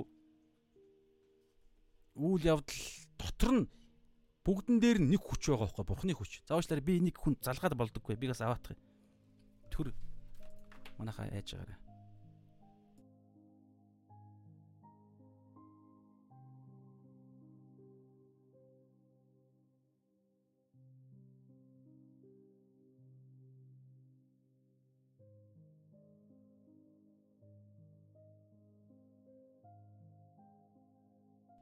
Нэг хоёр нэг хоёр. Баахан залгаа залгаа гэсэн амар чухал юм бол маш чухал юм болов гэсэн чинь дугаар андуурсан. Тийм хүн байна уу гинэ. За. Тэгэхээр тийм байгааз энэ маш сонирхолтой саний хэсэг дээр те үйлдэлүүд үйлчлүүд нь ялгаатайч үйлчлийг авж байгаа эзэн нь нэг. А тэр үйлчлэл дотор хийгддэг үйлдэлүүд нь ялгаатай. Тэр үйлдэлүүд дотор нь ажилдаг бурхны хүч нь нэг л хүч. Тэгэхээр бид нар бүгдээрээ нэг байхгүй юу? За бас нэг дараагийн ишлэл 18. 1-р Коринт 12-ын а 10 12 12-ыг уншчих. Би би би нэг атлаа. Одоо бидний би миний таны намайг харж байгаа миний би нэг атлаа. Олон эргэтэнтэй. Надад хуруу байна, чих байна, нүд байна, ам байна. Олон эргэтэнтэй. Тэгсэн мөртлөө миний энэ хуруу амнаас ялгаатай. Хэлбэр дүрсэн өөр. Энэ хүд өсрөөл ингээд миний хуруу дуу гаргахгүй гэсэн чинь миний ам дуу гаргаад байна. Гэтэ магадгүй ам биш дотор нь ингээд те уушиг муушиг энэ хоолоо молоо улаан хоолоо молоо бүгд оролцсон. Тэгтэл нэг эргэтэн дотор хүртэл олон эргэтэн мэрхтэн ингээл иймэрхүү байдлаар биеийн нэг атлаа олон эргэтэнтэй байдагчлан биеийн бүх эргэтэн хэдийгээр олон боловч хэдийгээр та би ингээд асар олон хуруу муруу яан зүрийн асар олон ингээд хэдэн зуун эргэтэн байдаг лээ те. Тэгээ тэр олон эргэтнүүд нь хэдийгээр олон боловч нэг бие болдог. Ганцхан бие. Намайг хараад те Шууд ой нэг хүн явж гин. Инхтэй авин гэд нэг хүн байна. Энэ миний өрөөнд дотор нэг л хүн сууж гин гэж ярина. Нэг нэг л гэж ярина. Тэрнтэй адилхан. Бид бүгдээрээ ялгаатай, ялгаатай тэгээ хэлбэртэй, ялгаатай байдлаар үйлчлээл, тэгээ үзэл бодол нь хүртэл ингээл нэг ялгаатай юм шиг боловч. Гэхдээ Эфес дээр бүгдээрээ нэг итгэл, нэг мэдлэг гэж ярьж байгаа шүү. Нэг төлөвшөлт рүү ингэж бүгдээрээ тэмүүлж байгаа. Үүний төлөө шуулганы таван тал үйлчлэл ажилтдаг гэж байгаа. Тэгэхээр тэгсэн мөртөө бүгдээрээ нэг л бий. Нэг эзэнтэй а тэр нэг эзэндээ үйлчилж байгаа үйлчлэл дотор ажилтдаг хүч нь хүртэл бурхны нэг л хүч. Ерөнхийдөө ариун сүнс хэлж байгаа. Христ ч мөн тийм билээ гэж ярьж байгаа те түрүүний биеэр зүүрлүүлж Христийн чуулган Христийн харилцааг ярьж байна. За тэгэнгүүтлээ 18 дээр харин идүүгээ бурхан өөрөө хүссэнчлэн эргэтэн тус бүрийг биед байрлуулжээ. Бурханы хүслээр таны пастор пастраар болсон. Бурханы хүслээр та одоо хаана ямар талбар дээр дуудлагатай ажиллаж байгаа үйлчилж байгаа. Тэр га талбар дээр бурхан таныг байрлуулсан.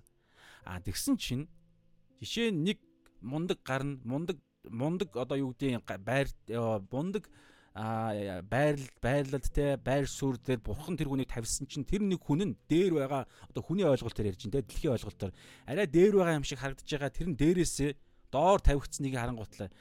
А наана хэлэхгүй л дээ. Бид нөгөө нэг хоёр нүүр мөр хоёр нүүр биш хоёр нүүр гарахтаа бас чадамхай. Тэгээд бид нар бүдрэх үе байдаг учраас. Гэхдээ цаана юу гэж бодож байгаа гэхээр өө энэ зайлал угаасаа л те одоо сургууль төгсөөгүй. Энэ угаасаа л те одоо хилмэл байхгүй. Энэ байдлаасаа болоод угаасаа л одоо ингэж үйлчлэхөөс яах вэ? Ийм талбар дээр байхаас яах вэ?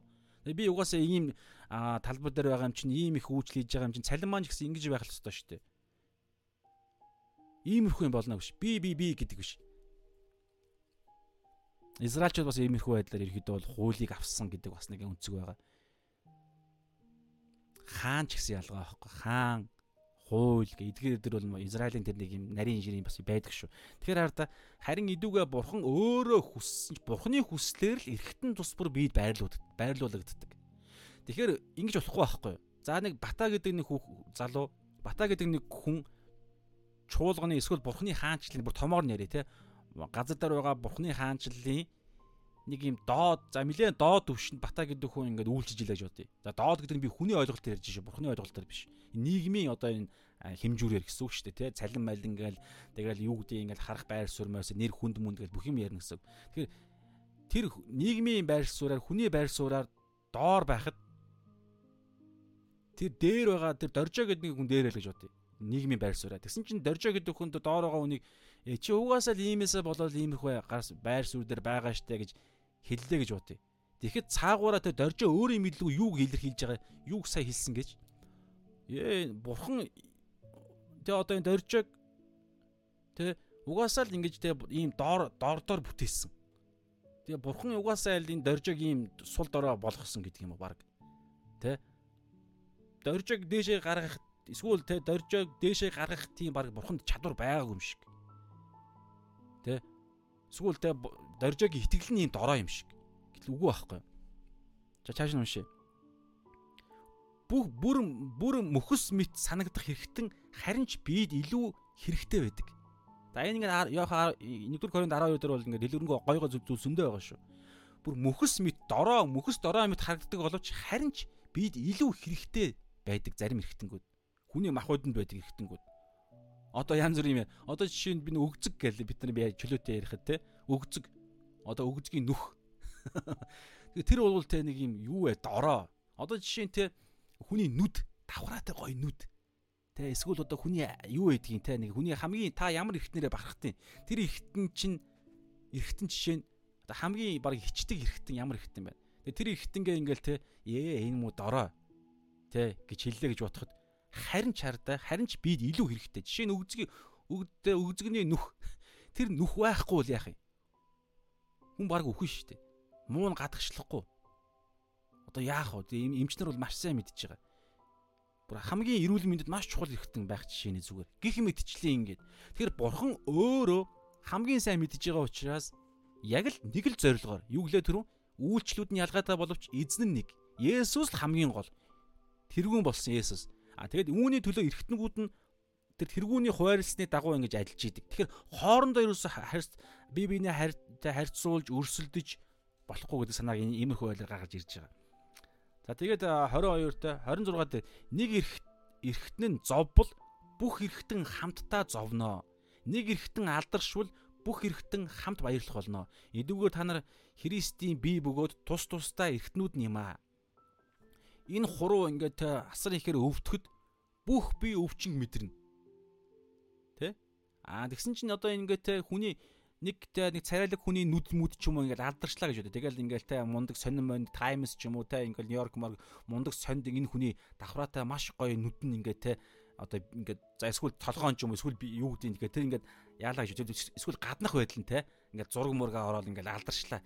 Яа ийм дүүдрхтэй ийм нүдтэй энэ хүн ста энэ нүд нь үнэхээр гоё одоо тэ зарим ингээд одуудыг ярьдаг ш тэр тэр одын тэр мундаг хүний тэр хэрэгтэн тэр хэсэг нь өстой ямар гоё гэж мэч гэл ярьдаг.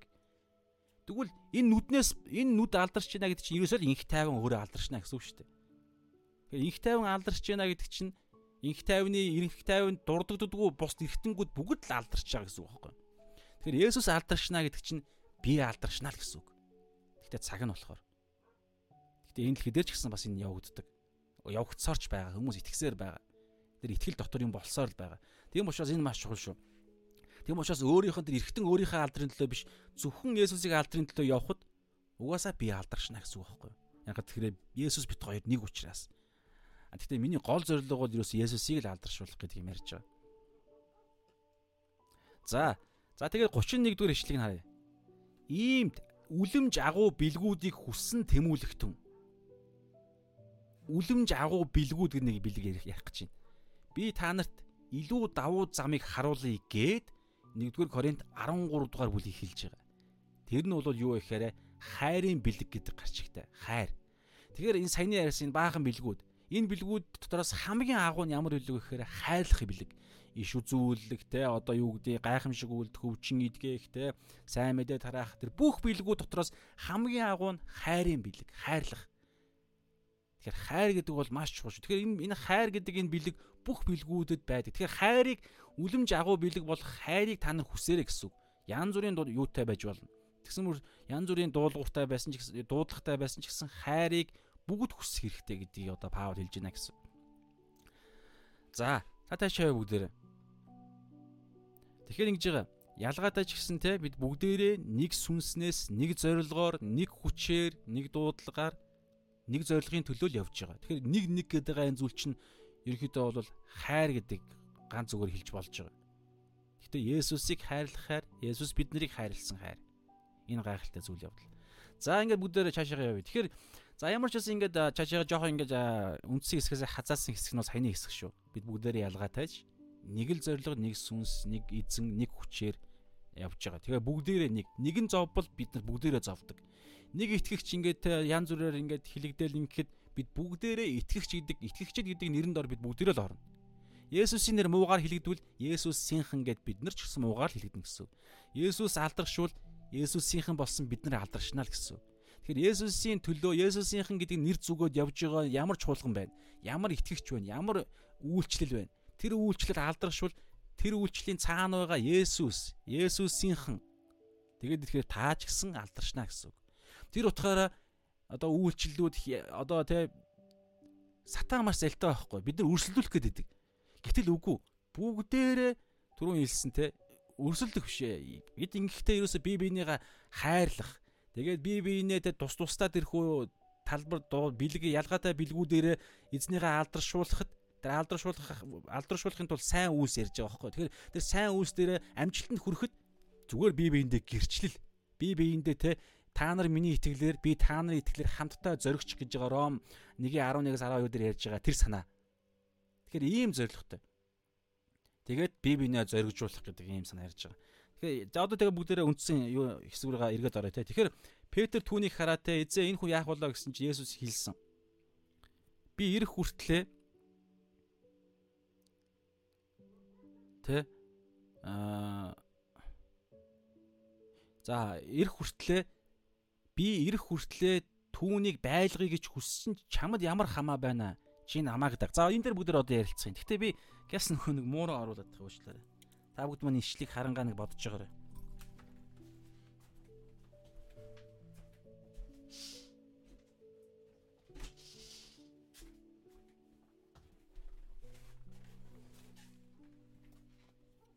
За тэгэхээр Есүсийн хариулт. Есүс түүнд хэлсэн те Петрийн асуулт бол Йохан яах вэ? За тэгсэн Есүс юу гэж байгаа гэхээр ер нь товчхондоо бол ерөөсөө энэ гэсэн үг. Аа түүний талаар түүний талаар те ямар нэгэн хүсэл байх энэ Петрийг Йоханы талаар ямар нэг юм хүсэл хүсэл төлөвлөгөө байхад тэр нь чамд ямар хамаатай бэ гэсэн санаа ерөнхийдөө бол гэхдээ дотроо бол Есүс нэг үг илэрхийлсэн. Тэр нь юу гэхээр хэрүү би ирэх хүртлээ буюу хоёр дахь хэрэлтийг ярьж штэ. Ирэх хүртлээ түүнийг байлгая гэж хүссэн ч чамд ямар хамаатай юм бэ гэж ярьж байна. Тэгээ Йоханы талаарх нэг хүслийн илэрхийл байгаад байгаас Йоханыг Есүс ирэх хүртлээ байлгах гэдэг нэг юм. Гэхдээ энэ хардаа энэ хүсэл нь яг мүүнчэж болно, бичиж болно. Яагаад вэ гэхээр хэрүү гэж ярьж байна. Хэрүү. За энэ дээр энэ хэрүү гэдэг үгийг хасаал тэд нар бодцсон гэсэн үг байхгүй юу? Би ирэх хүртлээ түүнийг байлгая гэж хүссэн чамд ямар хамаатай юм бэ? Би дэ хүсэж байна. Гэхдээ энэ хүсэл нь чамд ямар хамаатай гэж байгаа юм шиг. Гэхдээ би бурхан болохоор Есүс болохоор юу хэлсэн бэ гэхээр хэрүү Зүгээр нэг юм магадлал зүгээр нэг ер нь за тэгч магадгүй тэгхгүй ч магадгүй. Гэхдээ ер нь тэглээгээ тэр нь чамд ямар хамаатай гэдэг байлаа л ярьсан гэсэн. Гэхдээ энэ нь Есүс нэг зүгээр нэг ингэ ярьчин гэж байхгүй шүү дээ. Энэ дотор хүртэл нэг юм үнний нэг хэсэг байгаа. Тэр нь бүгдээр ярилцъя. Тэрнээс наан ингэ аа одоо түрүүний ярьж байгаа нөгөө нэг эхний би нэг халд эхэндээ нэг цус нэг тайлбарлах гэж оролцсон нэг хэсгийг одоо бүгдээр жоохон задлаа. Тэрний юу гэхээр бүгдээрээ Есүсийг дагаа явж байгаа. Тэг ингэж дагаж явахдаа би биенийтэйгээ харилцсан шүү дээ. Би биенийгээ харна, ажиглана, мэжиглэн ингээд. Тэгэхээр энэ дунд энэ дунд буруу арга зам, буруу зорилгоор, буруу хандлагаар бүгдээрээ одоо Есүсийг хараад ингээ гурвалжин шигтэй Есүсийг хараад бүгдээрээ ингээ явж байна.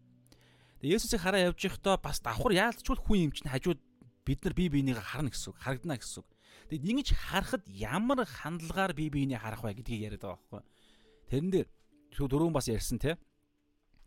Ерөнхийдөө бол те харахтаа өө энэ ямар сонио ялгаатайгаар вэ? Есүс Библиэлд ингэж хэлж байхад ариунс надад ингэж хэлж байхад энэ хүн яагаад өөр юм хийгээд байгаа юм бэ гэж бодож юусоо болохгүй гэсэн. Яагаад тэгэхээр ариун сүнс тус тусдаа ялгаатай ялгаатайгаар хуваарлдаг. Гэхдээ энэ нь үндсэн нөгөө нэг итгэлийн суур ойлголтыг бол яриаггүй. Зүгээр тэр амьдралынх нь нөхцөл байдал ялгаатай тэрхүү Библийн дамаа аврал авралтай тэрхүү үндсэн суур ойлголтын дээр ялгаатай юм ярихгүй шүү дээ. Эфес 4 дээр бол нэг итгэл байгаа. Бухны хүүгийн талаарх нэг мэдлэг ярьж байгаа, нэг төлөвшөлт ярьж байгаа, нэг сүнс, нэг бурхны хүч. А тэгвэл тэрэн дээр суурлагдж байгаа байшнууд нь ваар савууд нь ялгаатай байхгүй юу?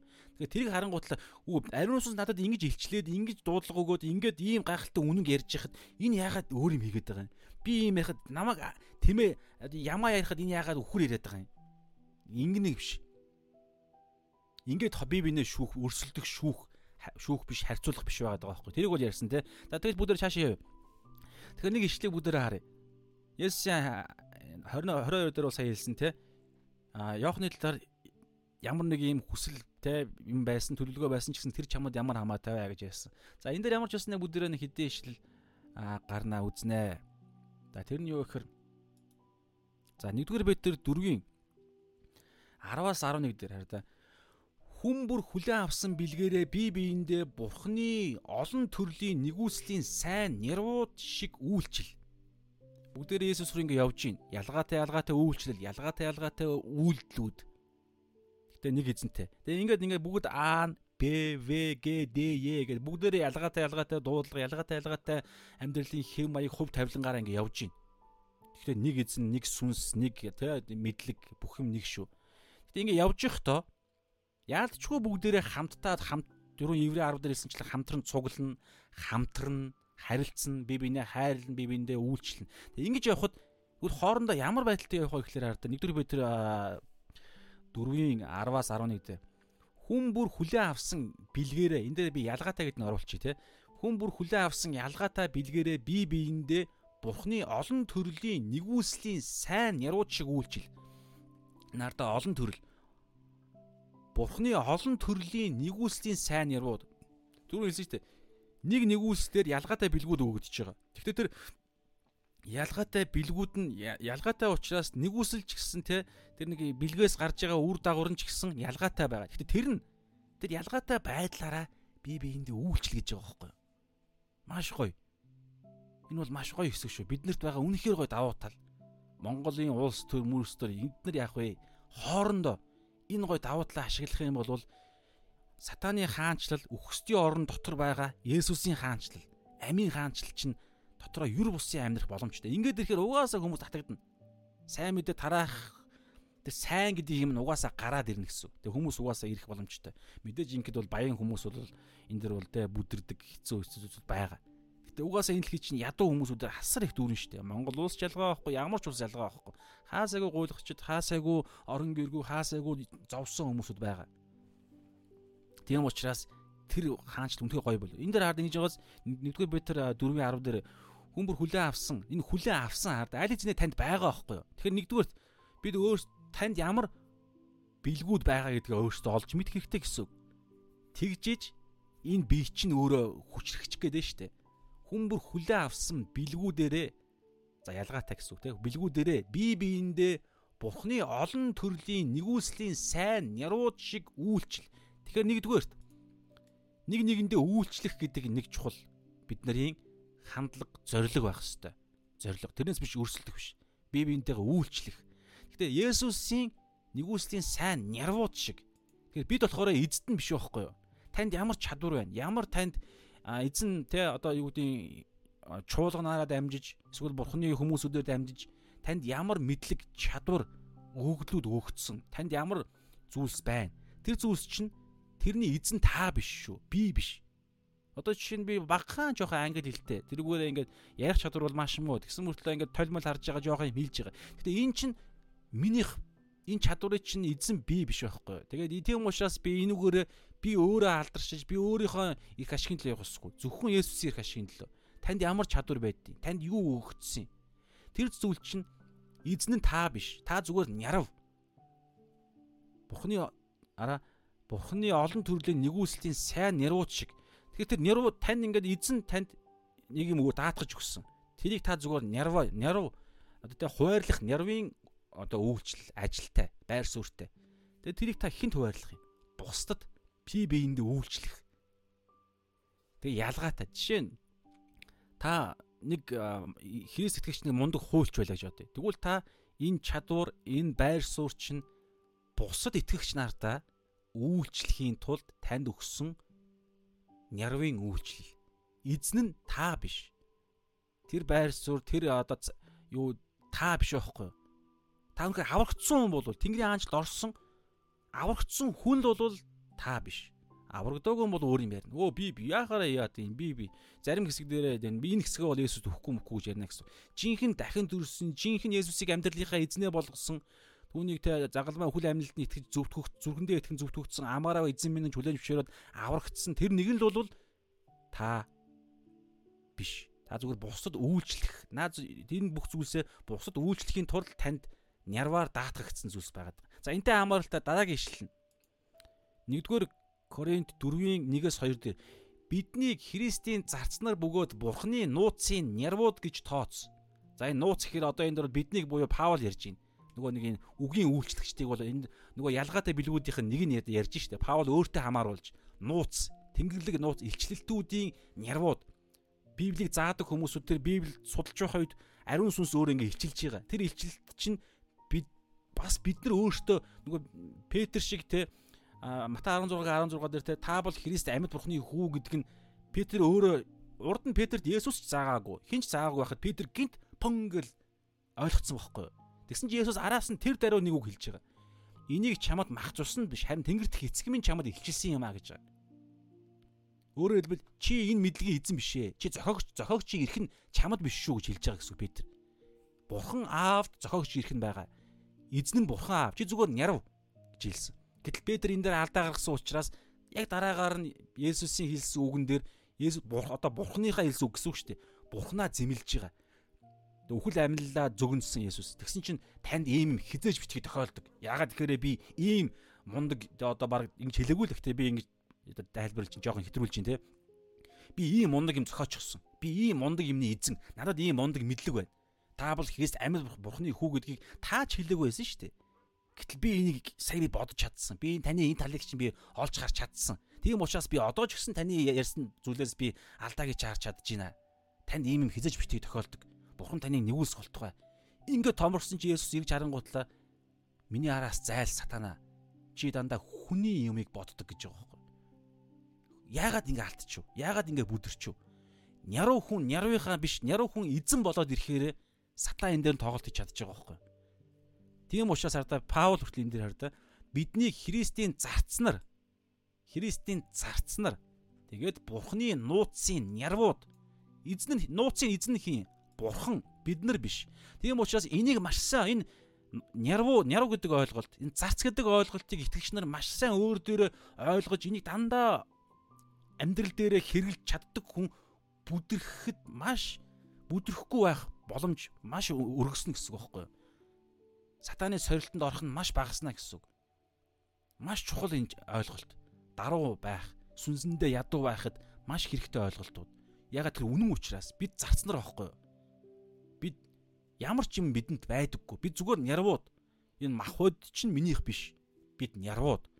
1-р Коринт 6 дээр байгаа. Та нарын бие чинь хүртэл та нарыг биш болцсныг та нар мэддэггүй юм уу? Ариун сүнсний орших сүм. Тийм учраас биеэрээ бурхныг алдаршуул. Та нарын энэ бие чинь та нарыг биш ээ. Амьсгал чинь хүртэл та нарыг биш.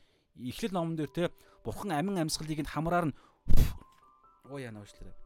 Амраар нь хамраар нь гэж үлээж оруулсан. Сая нэлээ муухай юм дуусчих шиг боллоо. Бидний амьсгал хүртэл бидний энэ сүнс хүртэл бурхны амьсгал. Тэг мөнх амх хүртэл бурхны ариун сүнс. Ийм гайхалтай. Тийм учраас бид хизээч өөрөө өөрийнхөө эзэн байж болохгүй. Дандаа Есүс миний эзэн. Тэгэхээр мөн итгэмжит байхыг няруудаас шаарддаг гэж байгааз. Бид нервуудын болвол биднээс бидний компани эзэн буюу бурхан маань биднээс шаардна. Өгсөн юмныхаа дагуу хариу шаардна. Тэрэндээ сая юу ярьж илаа? Хүн бүр хүлээн авсан бэлгүүдэрээ бие биендээ бурхны олон төрлийн нэгүслийн сайн нервууд шиг үйлчил. Бурхан биднэрт нэг бэлгүүд өгч байна. Зорилго нь юу юм? Бие биендээ үйлчил гэж өгсөн. Тэгсэн чинь бид бэлгүүдийн аван гутлаа өөрөө өөртөө үйлчлээд өөрөө өөртөө алдаршаад өөрөө тэрүүгээрээ ихтэй өөрийнхөө байр сууриа нэмээд ирэхээр шаардлага тооцно гэсэн үг. Жинхэнэ эзэн бид нариуд шүү дээ. Яг эзэн бид өгсөн юмнууд компани захирал нь биднээс хариу сарын эцэд ч юм уу хизээ чи хариуцлага тоосно гэсэн үг. Чамд ингэж ийм хариуцуулсан. Чи энийг ингэж хуваарлах хэрэгтэй байсан. Бусдаа ингэж энэ дээр бол те би би биэнд үйлчлэх хэрэгтэй байсан. Гэтэл чи яагаад зөвхөн өөртөө үйлчилж байгаа юм? Яагаад зөвхөн өөрийнхөө цуглаанд үйлчилж байгаа юм? Яагаад зөвхөн гэр бүлдээ үйлчилж байгаа юм? Бүх ахын дүүснэрийнхаа гэр бүлд бүх цуглаанда бие биендээ зөвхөн амьд үг биш. Тэр утгаараа те одоо манай цуглааныхан Монгол цуглаанууд те ингээд медиа үйлчлэлүүд одоо гэрэлт гэж цуглаан байгаа. Зайсанд байдаг. Бүтэнсөө өдрийнхаа цуглаануудаа шууд ингэж паблик байдлаар бид нар ингэ эхэлж штэ. Одоо энийг эндээс хүртэл биднээс суралцах хэрэгтэй байхгүй. Тэндээс хүртэл гэрэлт одоо мэдээж олон цуглаан байгаа. Амьд үг гэсэн тэгж байгаа. Тэ өөр ямар цуглаан байгаа. Олон цуглаанууд байгаа. Бүтэр байтхаа Америкт байдаг бүр Grace гэдэг мужик пастрын цуглаан хүртэл ингэ те тавьж байгаа бид жижигхэн жишээ ярьж штэ. Энэ мэдчихлээ. Юу ээж болох вэ? Танд ямар ариун сүнс хуваарлж байна? Тэрийг ингээл бие биеинд байгаа. Зөвхөн манаа цуглаан, зөвхөн манаа эсийн бүлэг, зөвхөн манаа гэр бүл биш. Бас манаа цуглааны тэр гэр бүл ч гэсэн манаа гэр бүл бид өөрсдийнхөө гэр бүлээрээ эдэлж байгаа энэ гоё одоо юу гэдэг олж мэдсэн мэдлэгээ эдэлж байгаа энэ нэг та одоо танаа гэр бүл ямар их сурвалжаас тэг гэр бүлээ ингэж гоё дулаацуулсан яасан ийсэн тэрийг бие биендээ хуваацдаг ч юм энэ мэдчлэн зүгээр. Тэгээ үүний төлөө л танд надад биднэрт ингэж өгсөн байгаа даа байхгүй. Ягаад тэгэхээр нярвууд эзэн хариуцлага тооцсон шаардна гэж байгааз мөн итгэмжит байхыг нярвуудаас шаарддаг. Итгэмжит байх. Юу юунд итгэмжтэй байх юм? Тэр тухайн өгсөн юмны чинь зориг гэж байгаа. Тэр зориг дээр л итгэмжтэй байх. Тэр зорилгын түрүүлсэнчлэн бие биендээ үйлчлэл гэж ярьж байгаа. За тэгээд ярдг нь бурхны илэрхийлэлээр яриг. Одоо ярддаг үйлчлүүд нь бурхны илэрхийлэлээр ярина. Үйлчлэг нь бурхнаас тэтгэгддэг хүчээр үйлчлдэг үйл үйлдэг. Тэгээд бүх зүйлд Есүс Христээр дамжин бурхан алдаршуулгадах юм аа. Бүх зүйлд гэж байгаа. Харда ярьдаг хүн өөрөөсөө ярьж болохгүй гэсэн. Зөвхөн бурханы илэрхийллээр үйлчлдэг хүн нь өөрийн махуудын хүчээ үйлчлж болохгүй.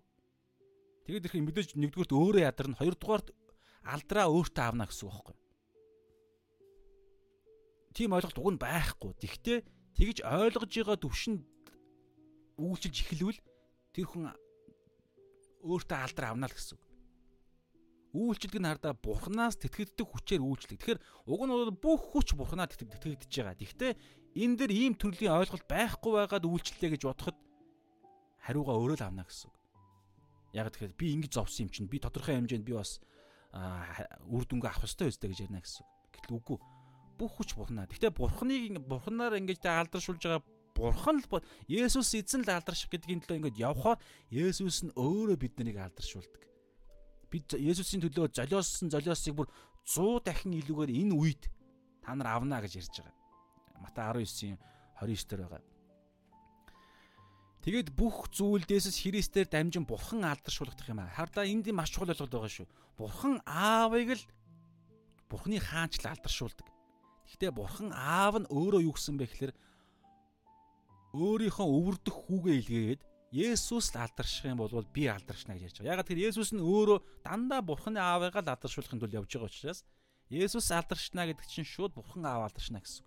Тэр нөө гурвлын чинь те маш чухал ойлголт энд байдаг байхгүй. Бүр юур бусын ойлголт. Судлаа судлаад барах шүү. Гэтэ судлах судлах тусам гурвлын тэрхүү нэгдэл нэрээ юур бусын юм байлээ шүү. Үнэхээр юур бусын.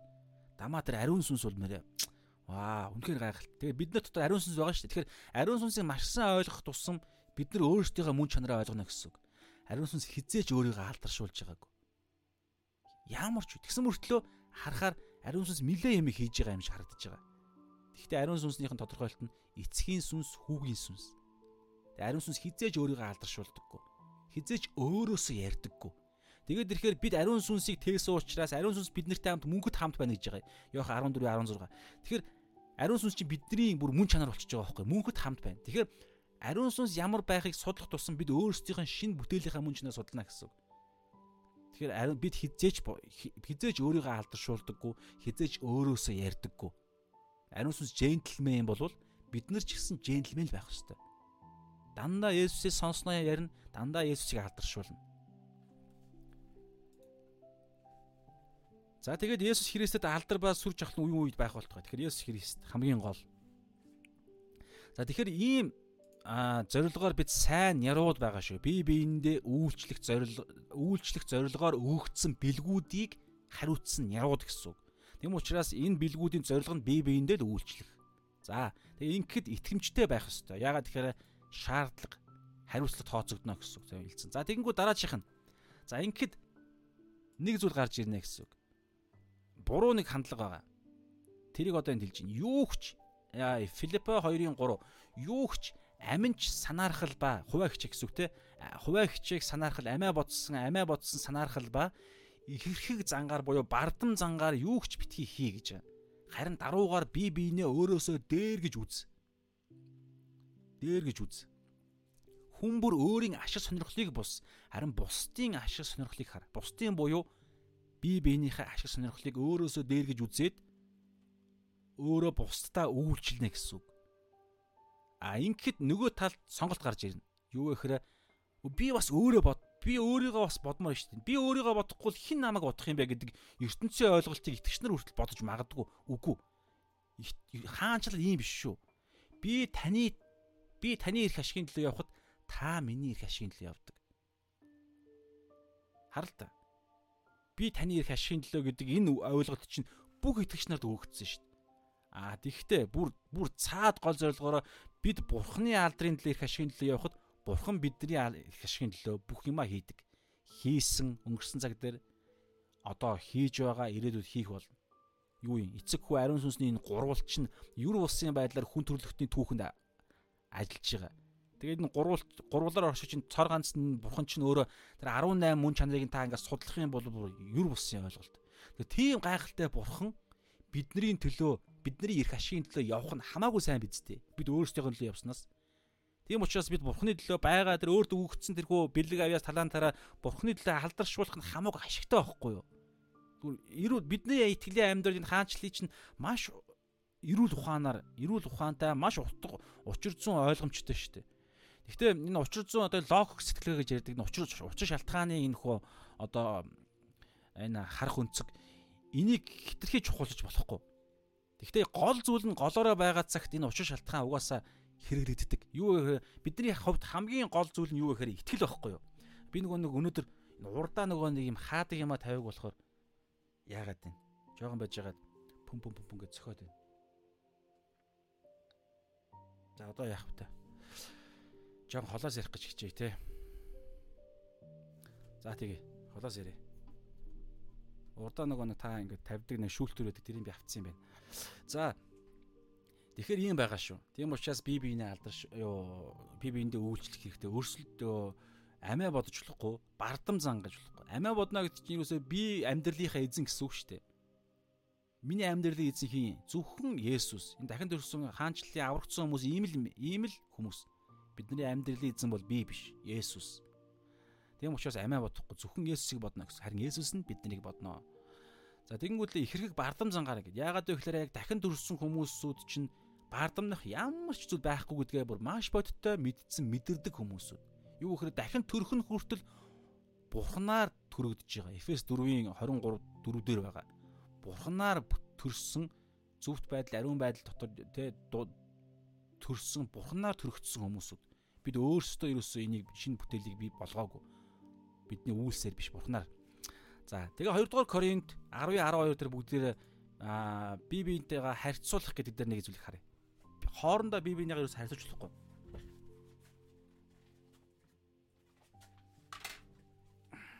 За би нэг нэг зүйлийг газ хийгээд хийж бодож байна. Салгаад буцаагаад нэг газ хийгээд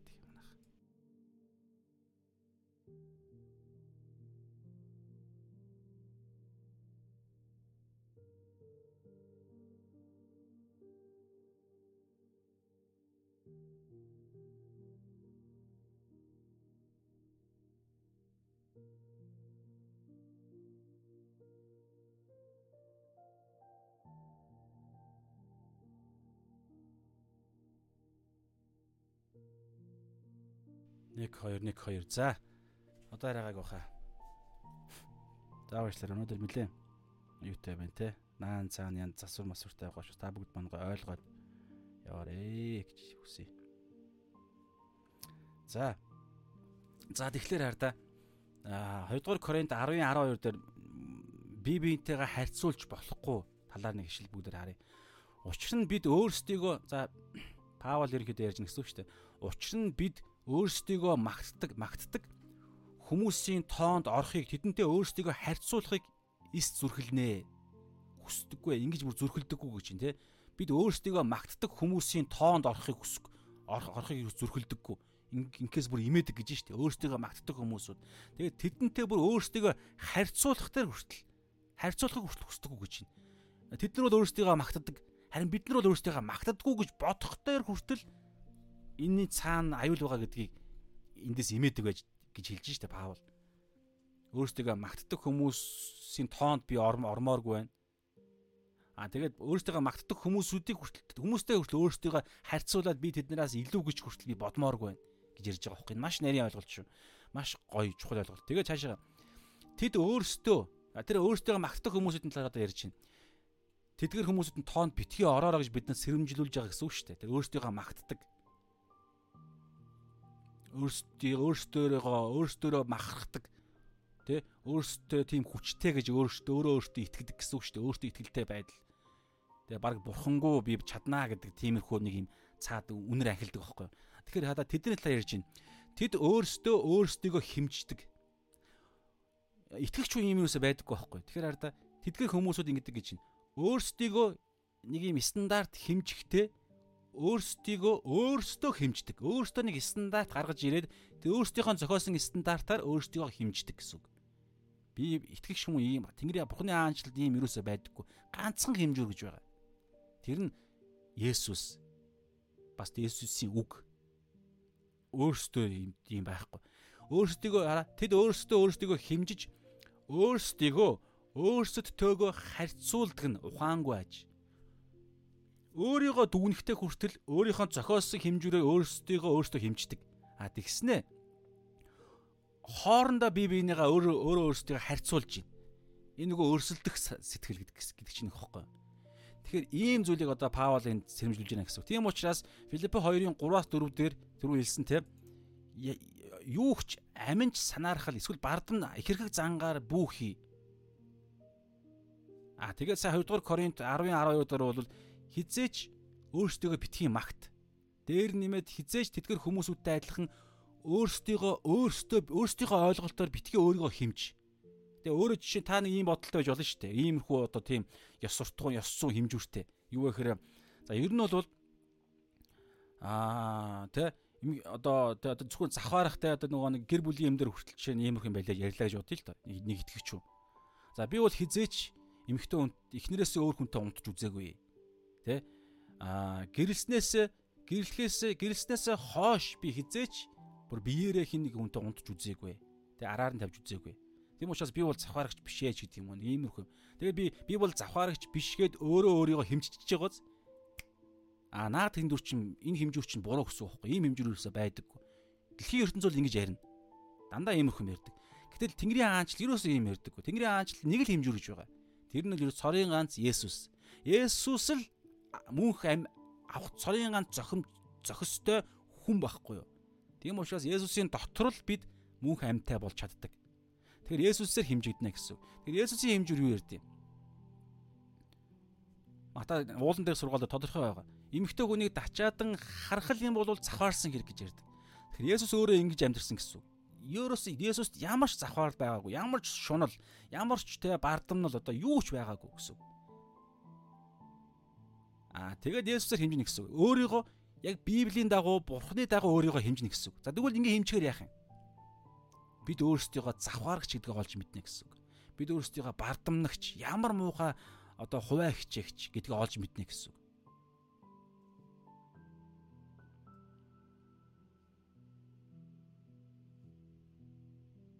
Харин тэд нар бол тэрийг олж мэдэхгүй байхгүй юу? Одоо энэ дэр. Ягаад тэгэхээр өөрсдөө өөрийгөө хэмжиж байгаа учраас харин бид олж мэдж чадна гэсэн. Тэгвэл ялгаа нь юу юм? Гимшил. Гимшил гимшлэлч гимшил нь тэгвэл ямар зоригтой гимшлийн тэр сайхан юу сайхан нь юундаа байгаа юм. Нэгдүгээр явахын тэр байгаа. Гимшдэг хүн гэрэлд гарч яахан 3 дээр хүртэл 3 дээр хүртэл байгаа. 3.19 20 дээр байгаа. Гэрэлд гарч ирэхээр нэгдүгээр явах нэгийн 7-оос 9 дээр юу гэхээр Христийн цус биднийг цэвэрлдэг Христийн цус биднийг бузар муугаас гим нүглээс цэвэрлдэг Ингээд ирэхээр бид жинхэнэ байдлаараа ариун болдог гэсэн. Жинхэнэ байдлаараа гим нүглээс нөгөө нэг завхаардаг, хардаг, завхаарлын харцмаас тэр бүх зүйлээс Христийн Есүсийн нөгөө нэг цорын ганц хэмжүүр болсон Есүсийн цус нь биднийг цэвэрлэнэ гэсэн.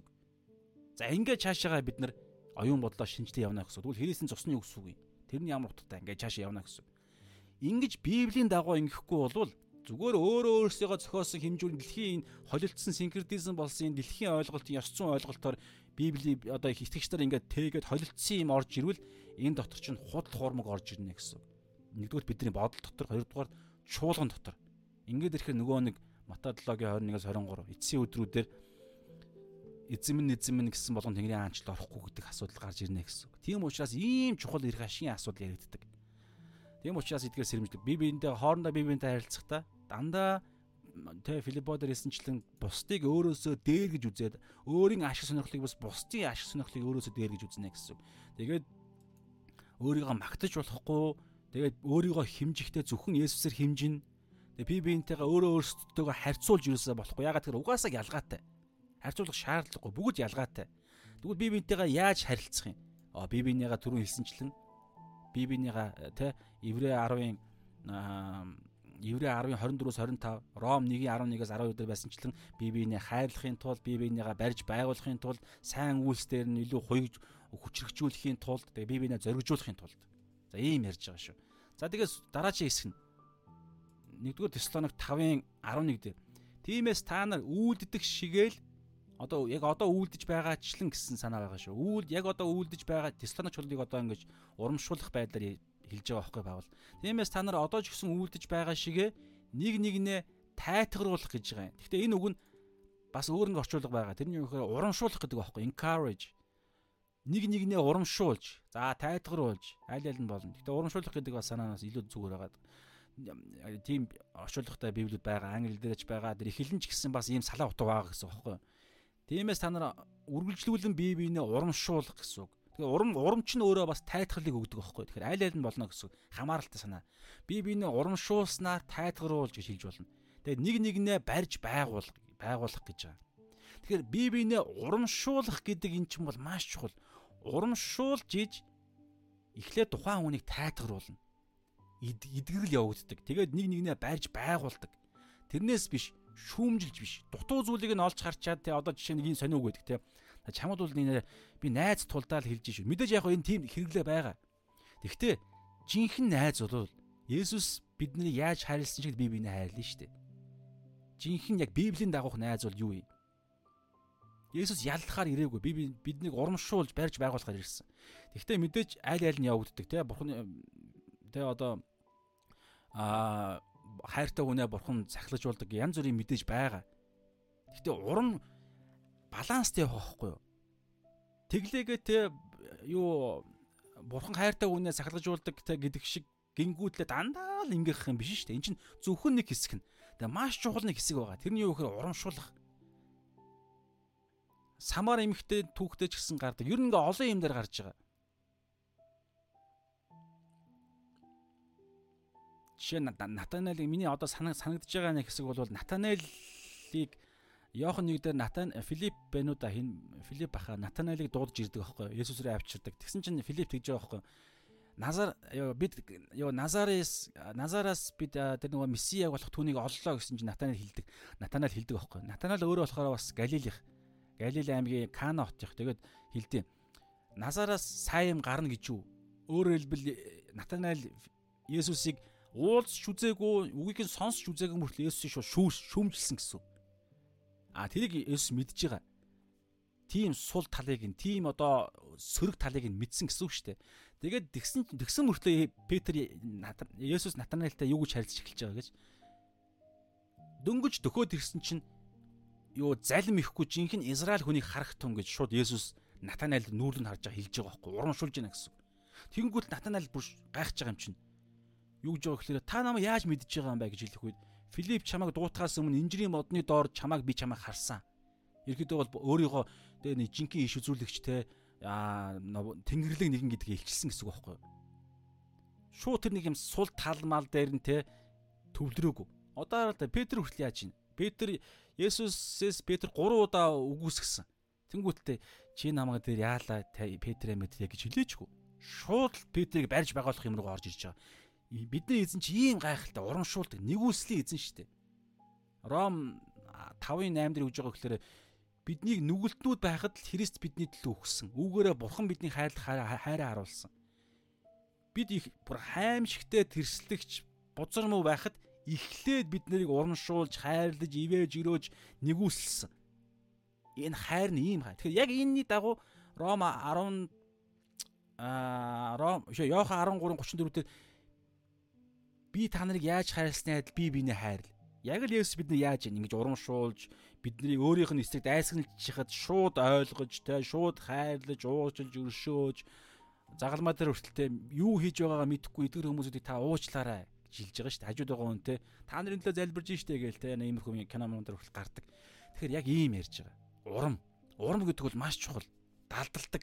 1-р Коринт 13 дээр байгаа шүү дээ. Хайр бол бүгдийг ялдаг, бүгдийг халахалдаг, далдалдаг, уучилдаг, өршөөдөг агапе хайрыг ярьж штэ.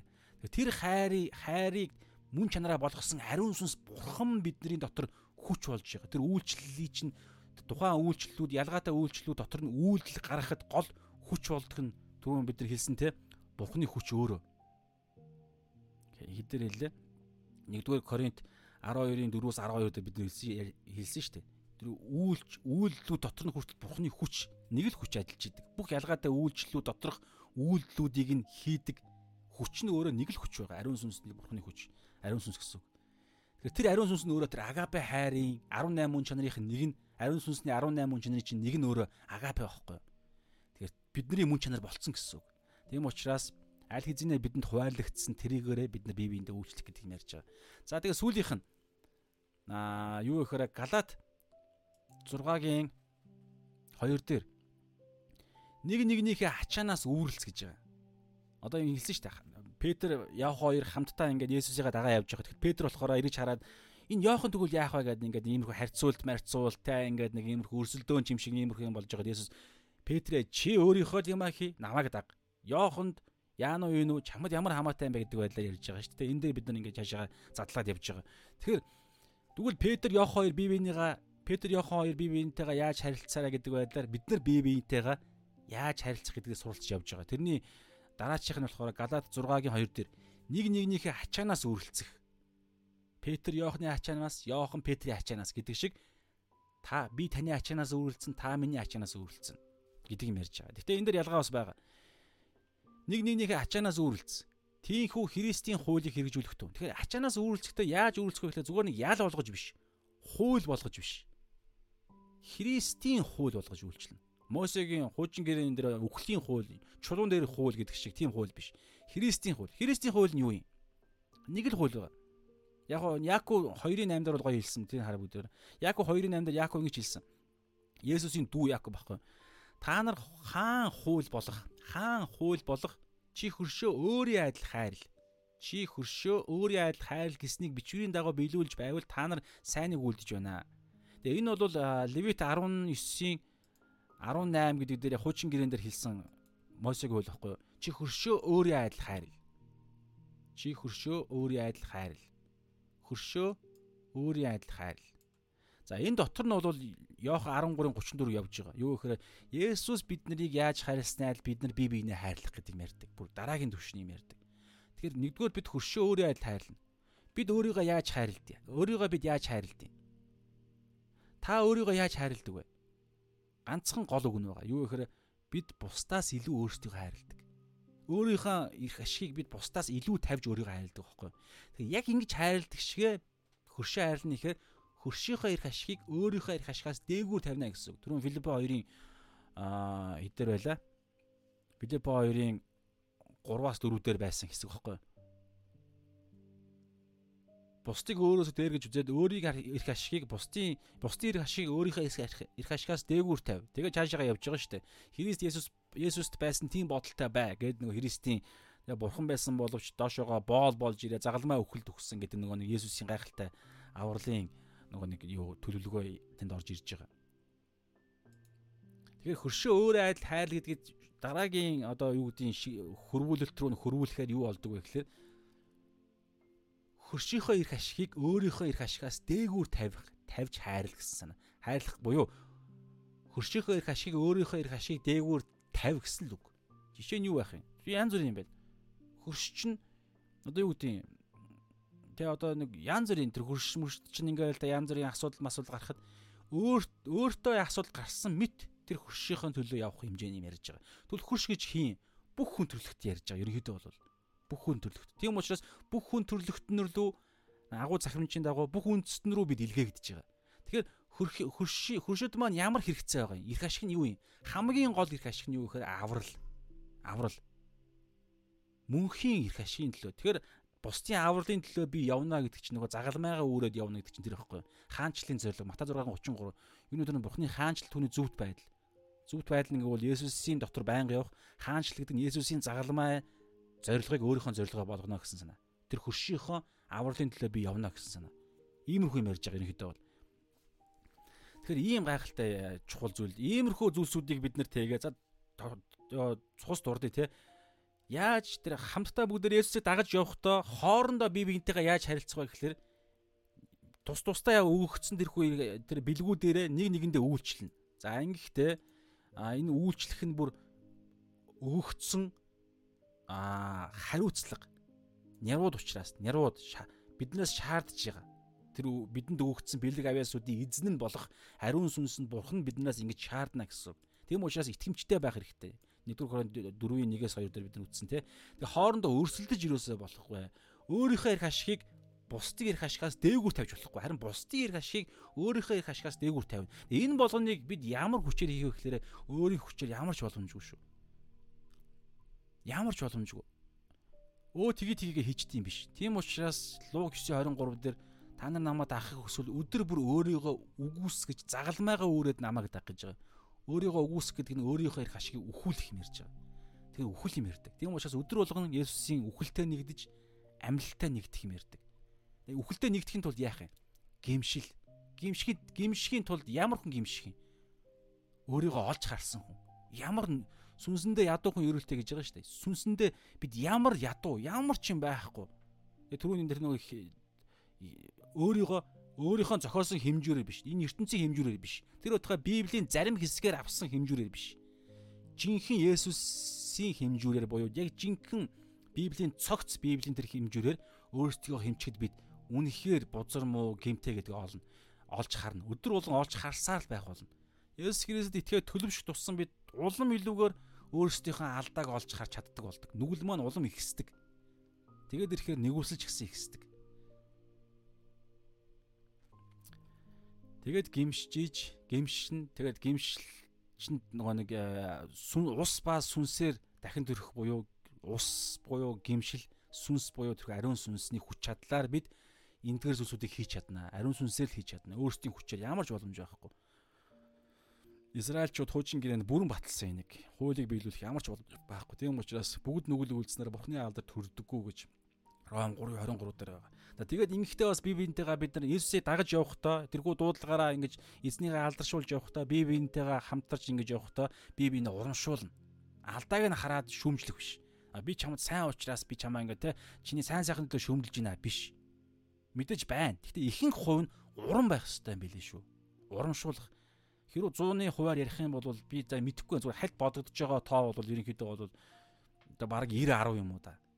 Ер нь бол дандаа урмаар Яагаад вэ гэхээр энэ хардаа урам гэж ярьж байгаа бол энэ нэгүс гэдэг үг байхгүй юу? Цаад санаа нь. Нэгүсэл нэгүсэл чинь өөрөө нэгүсэл буюу тэр ариун сүнс гэдэг энэ ойлголцоо ойролцоо. Ариун сүнсээр явж ижил хүн ариун сүнс Есүсийн зөвхт байдал нэгүсэл гэдэг эдгээр ойлголтууд чинь ингээд нэг тов цогцмыг бүрдүүлдэг. Энэ чинь л хуулийг биелүүлж чаддаг. Энд чинь л махуудын хүслийг ялж чаддаг. Тэрнээс биш. Шүүмжлэл биш.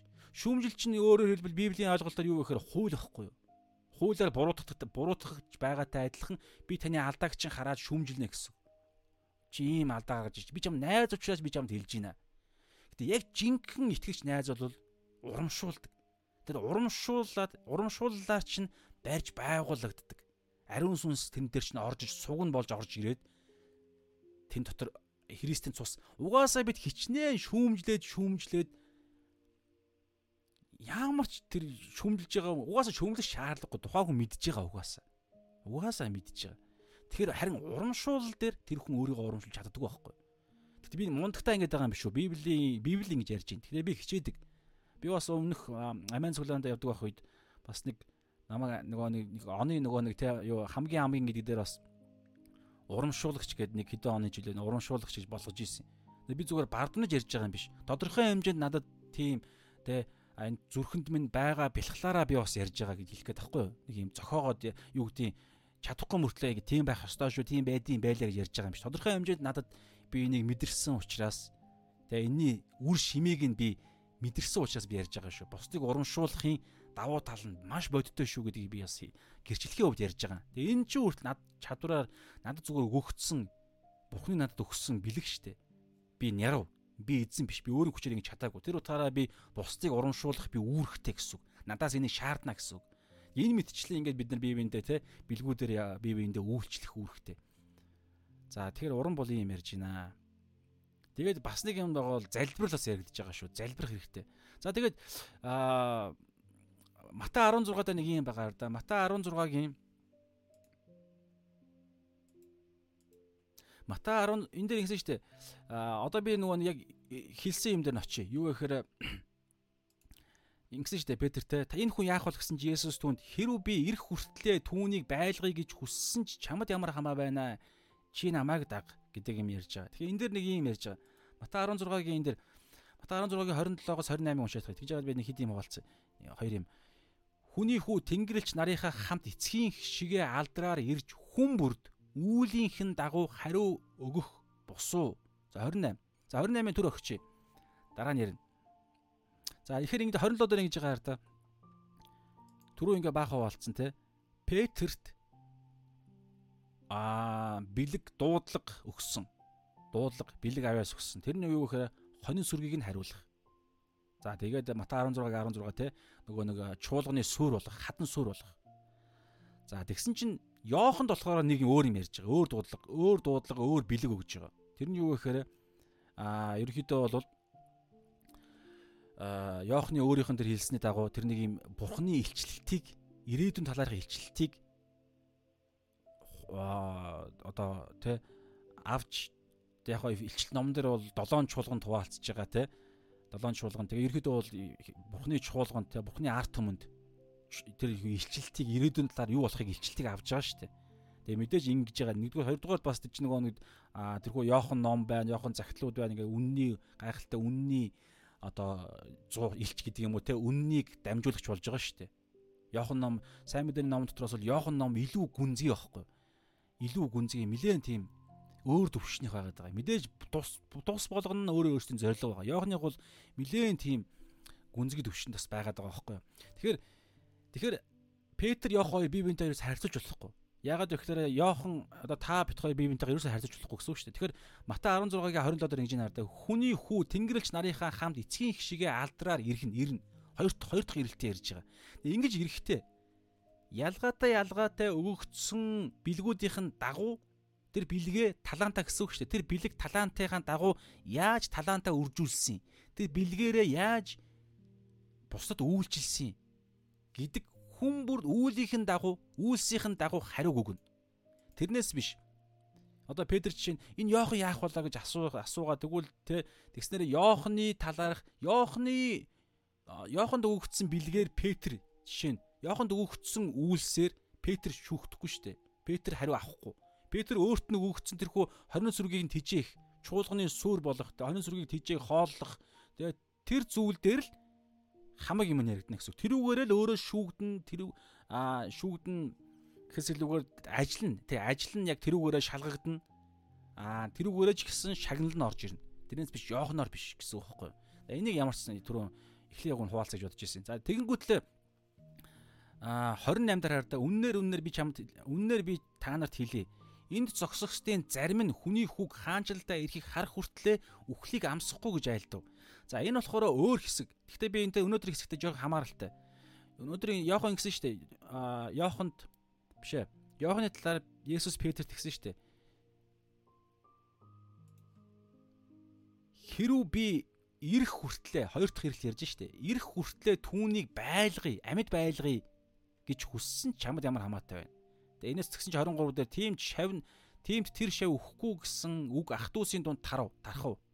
Гэхдээ гівч Есүс тэр хүнийг өхгүй гэж түүнд айлдаагүй харин зүгээр л зөвхөн хэрүү би ирэх хүртлээр түүнийг байлгая гэж хүссэн ч чамд ямар хамаатай гэдэг хэлсэн гэж яаж. Тэгэхээр энтэй яг адилхан нэг үйл явдал болсон байхгүй юу? Мата 16 дээр. Юу ихээр хаардаа ингэсэн. Есүс ингээд дагалдагч нарынхаа дунд ийм үг хэлсэн. Зөвхөн 12 биш өөр олон хүмүүс байсан. Тэгсэн ингэж хэлж байгаа Үннээр үннээр би та нарт хэлье. Энд зогсохстын зарим нь хүний хүүг хаанчлалдаа ирэхийг харах хүртлээр үхлийг амсахгүй. Өөрөөр хэлбэл хоёр дахь ирэлт ярьж байгаа. Газар дээр энэ дэлхий дээр хаанчлал Есүс хоёр дахь ирэлтээр мянган жилийн хаанчлал эхэлнэ шүү дээ, тэ. Тэгэхээр тэр хаанчлалдаа хоёр дахь одоо бол эрэг байгаа шүү дээ ирээдүйд болох юм ярьж байна. Одоо өнөөдөр чи 2021 он. Тэгэхээр 2021 оноос хойш болох юм ярьж байна. Тэгэхээр тухайн үедээ бол 2000 жилийн дараа ч гэсэн одоо хүртэл болоогүй шүү дээ. Тэгэхээр хизээ болох нь үйл мэдэх тэрхүү хаанчлалдаа эрхийг яг тухайн үед Есүсийн өмнө зогсож исэн хүмүүсүүдээс зарим нь харна гэж ярьсан хөөхгүй. Есүс тэгж хэлсэн. Тэгээ хардаа эрхийг харах хүртлээр үхлийг амсахгүй буюу үхэхгүй гэж ярьж байгаа.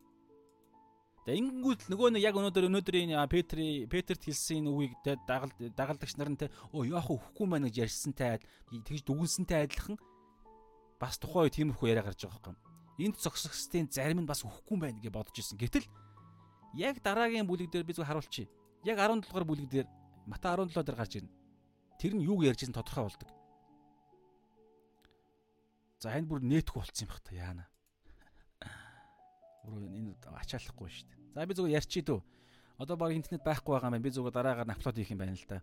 Тэгэхээр ингэж байгаа. Яг 17 дугаар бүлэг дээр харах юм бол 6 өдрийн дараа гэж байгаа. Яг ингэж иш үзүүлсний дараа нь 6 өдрийн дараа нэг уулан дээр гарч байгаа. За уламжлалаар бол табор уул гэж байгаа. За тэгээд бас зарим магадлалаар бол бас нэг сонголтоор бол Хермон уул гэж байгаа. Галил аймгийн бүр хой талд мөх цаст уул байгаа байхгүй. Хермоны шүүлэр гэж ярьдаг шүү дээ. Хермон уул. Хермон уул юм уу табор уул айл нэгэн дээр нь байгаа. Хуйла Галил аймгийн хойшоо байгаа. Нэг нь Галил аймагт нэг нь хойдолт нь. Тэгэхээр тэр нэг уулан дээр Есүс Илия Илия Мосе хоёртой зэрэгцээд ингээд алдрын биеэрээ дүр нь хуурдаг. Тэрийг л ярьсан байж таардаг. Тэрийг харахад Яаков, Петр, Йохан гурав хардаг байхгүй юу? Тэгээ яг энтэй ойролцоол юм бай Есүс ярьсан байл таар болдог байхгүй юу? Юухаар бүгдээ харъя л да. 22 22-ыг уншия. Есүс түүнд хэрв би ирэх хүртлээр түүнийг байлгая гэж хүссэн чамд ямар хамаа байна. Яг тэгээ байлгах чинь байлгана гэж хэлсэн юм биш. Дөрөв дээр хэлсэн те. Тэгэж хэллээгүй. Зүгээр л хэрв гээл нэг юм ярьсан. Тэгээ гол нь чамд ямар хамаатай юм бэ гэдэг байдлаар л гол зорилго нь бол Петрэ чи хэрэггүй юм асуугаад байна. Чи гол юмаа л анхаар. Тэрний гэхээр чи намайг даг. Ийм л иймэрхүү зорилготой хэлсэн гэж Иохан тайлбарлаж байгаа. Гэхдээ Иохны Иохны талаархын Есүс хэлсэн үгэн дотор ор байгаа, үнний ор байгаа байхгүй юу? Есүс тодор зүгээр зохиож юм утгагүй юм ярихгүй шүү дээ. Бүх үг нь Тэнгэрлэг цагийн хуваарийн дагуу маш зоригтой алдаагүй юм ярьдаг. Өөрийнхөө Есүс хэлсэн шүү дээ. Иохан 6 дээр хэлсэн үг болгоно нь эцгийн хэлснийг л хэлдэг. Эцгийн шүүснээр эцгийн хийж харуулсныг эцгийн хэлснийг л хийдэг. Тэгэхээр эн чинь маш зохион байгуулалттай үг. Тэгэхээр хараад ирэх хүртлээр Йохан байх юм ярьж байгаа. Тэр нь юу вэ гэхээр яг л түрүүний тэр хөө Матай 16 дээр байсан шиг тиймэрхүү байдлаар Йохан үхсэн. Петр, Яаков, Йохан Йохан ч гэсэн тухайн үедээ 6 өдрийн дараах л имийг ярьсан бол таарж байгаа.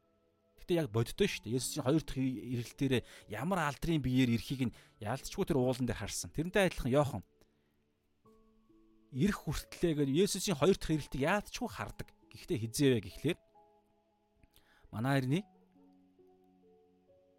манай ирний а 90-с хаана а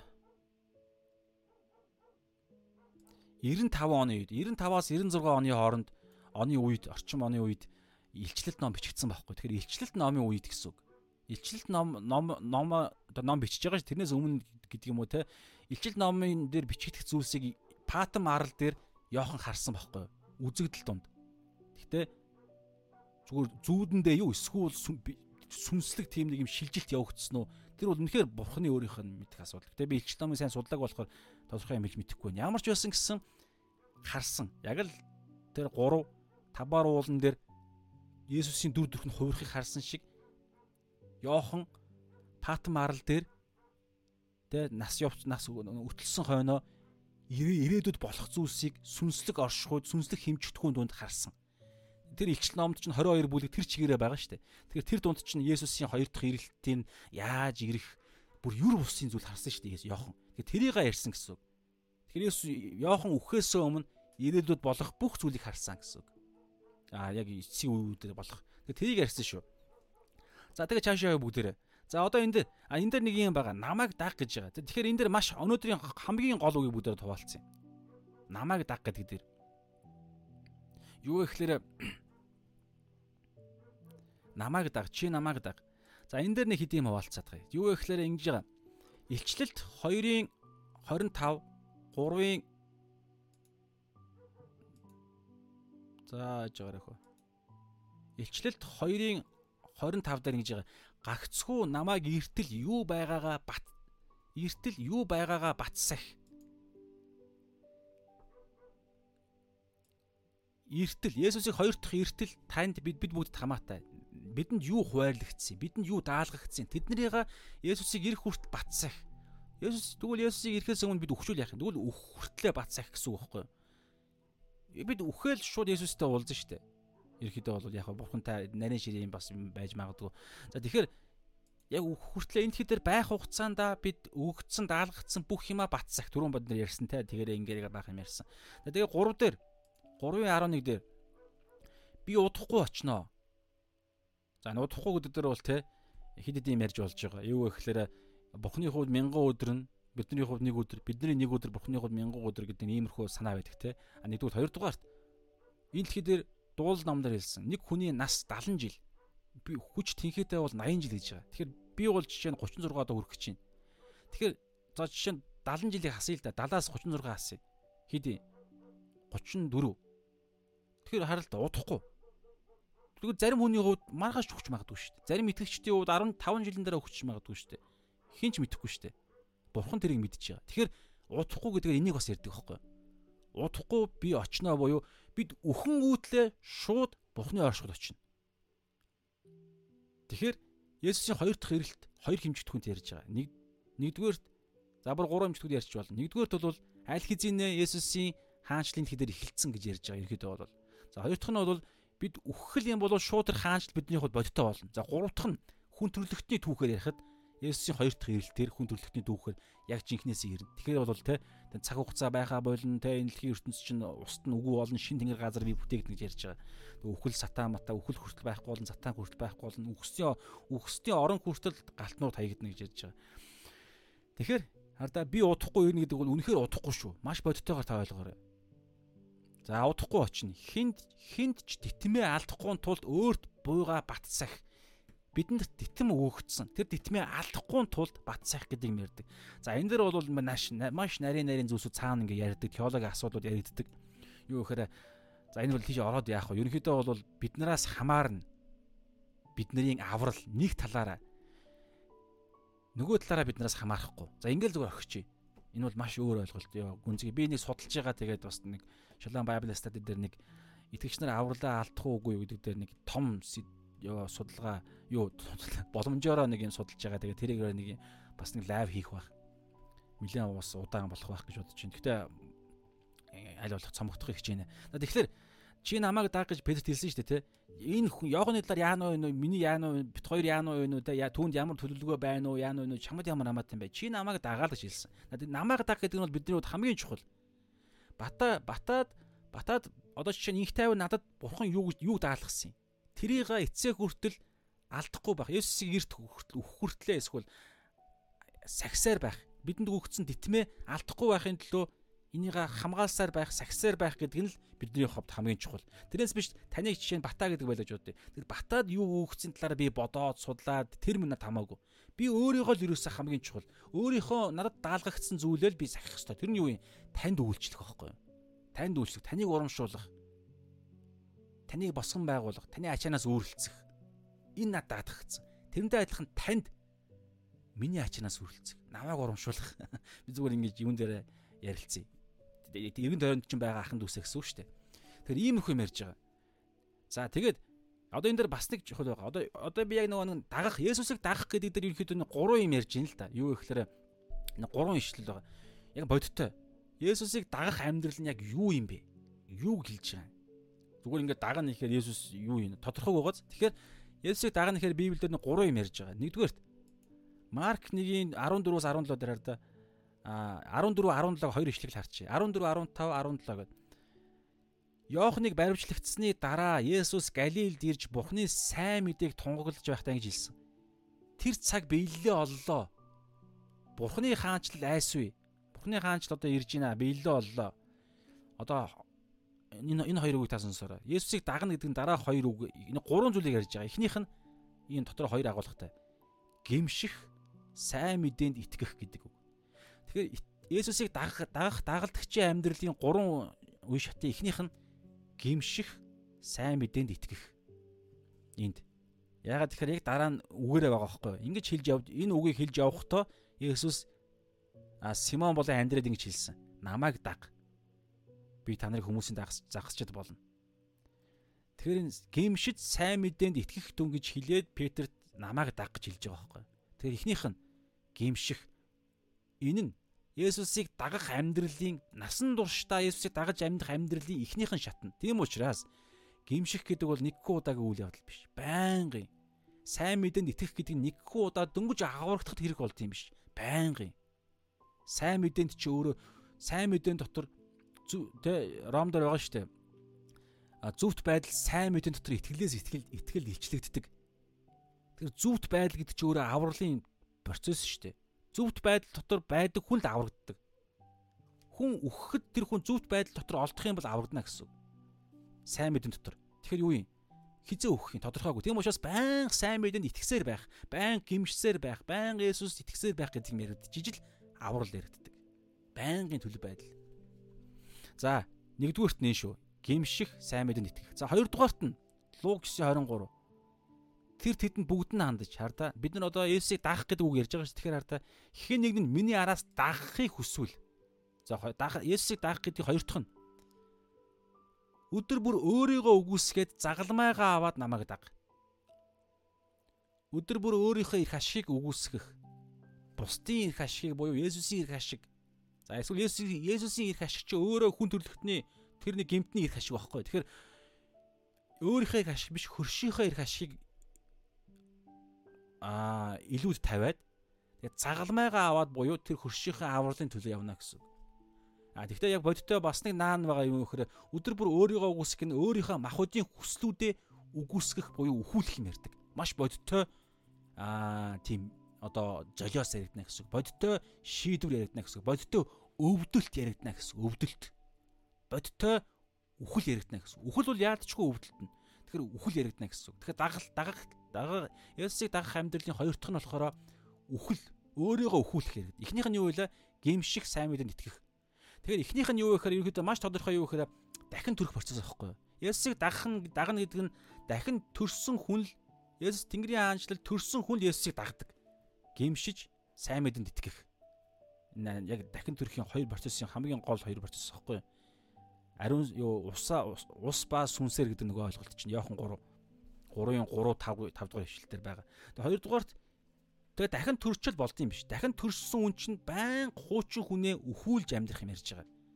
Луг 9:23. Өдөр бүр өөрийгөө үгүйсэх. Өдөр бүр шүү. Байнга.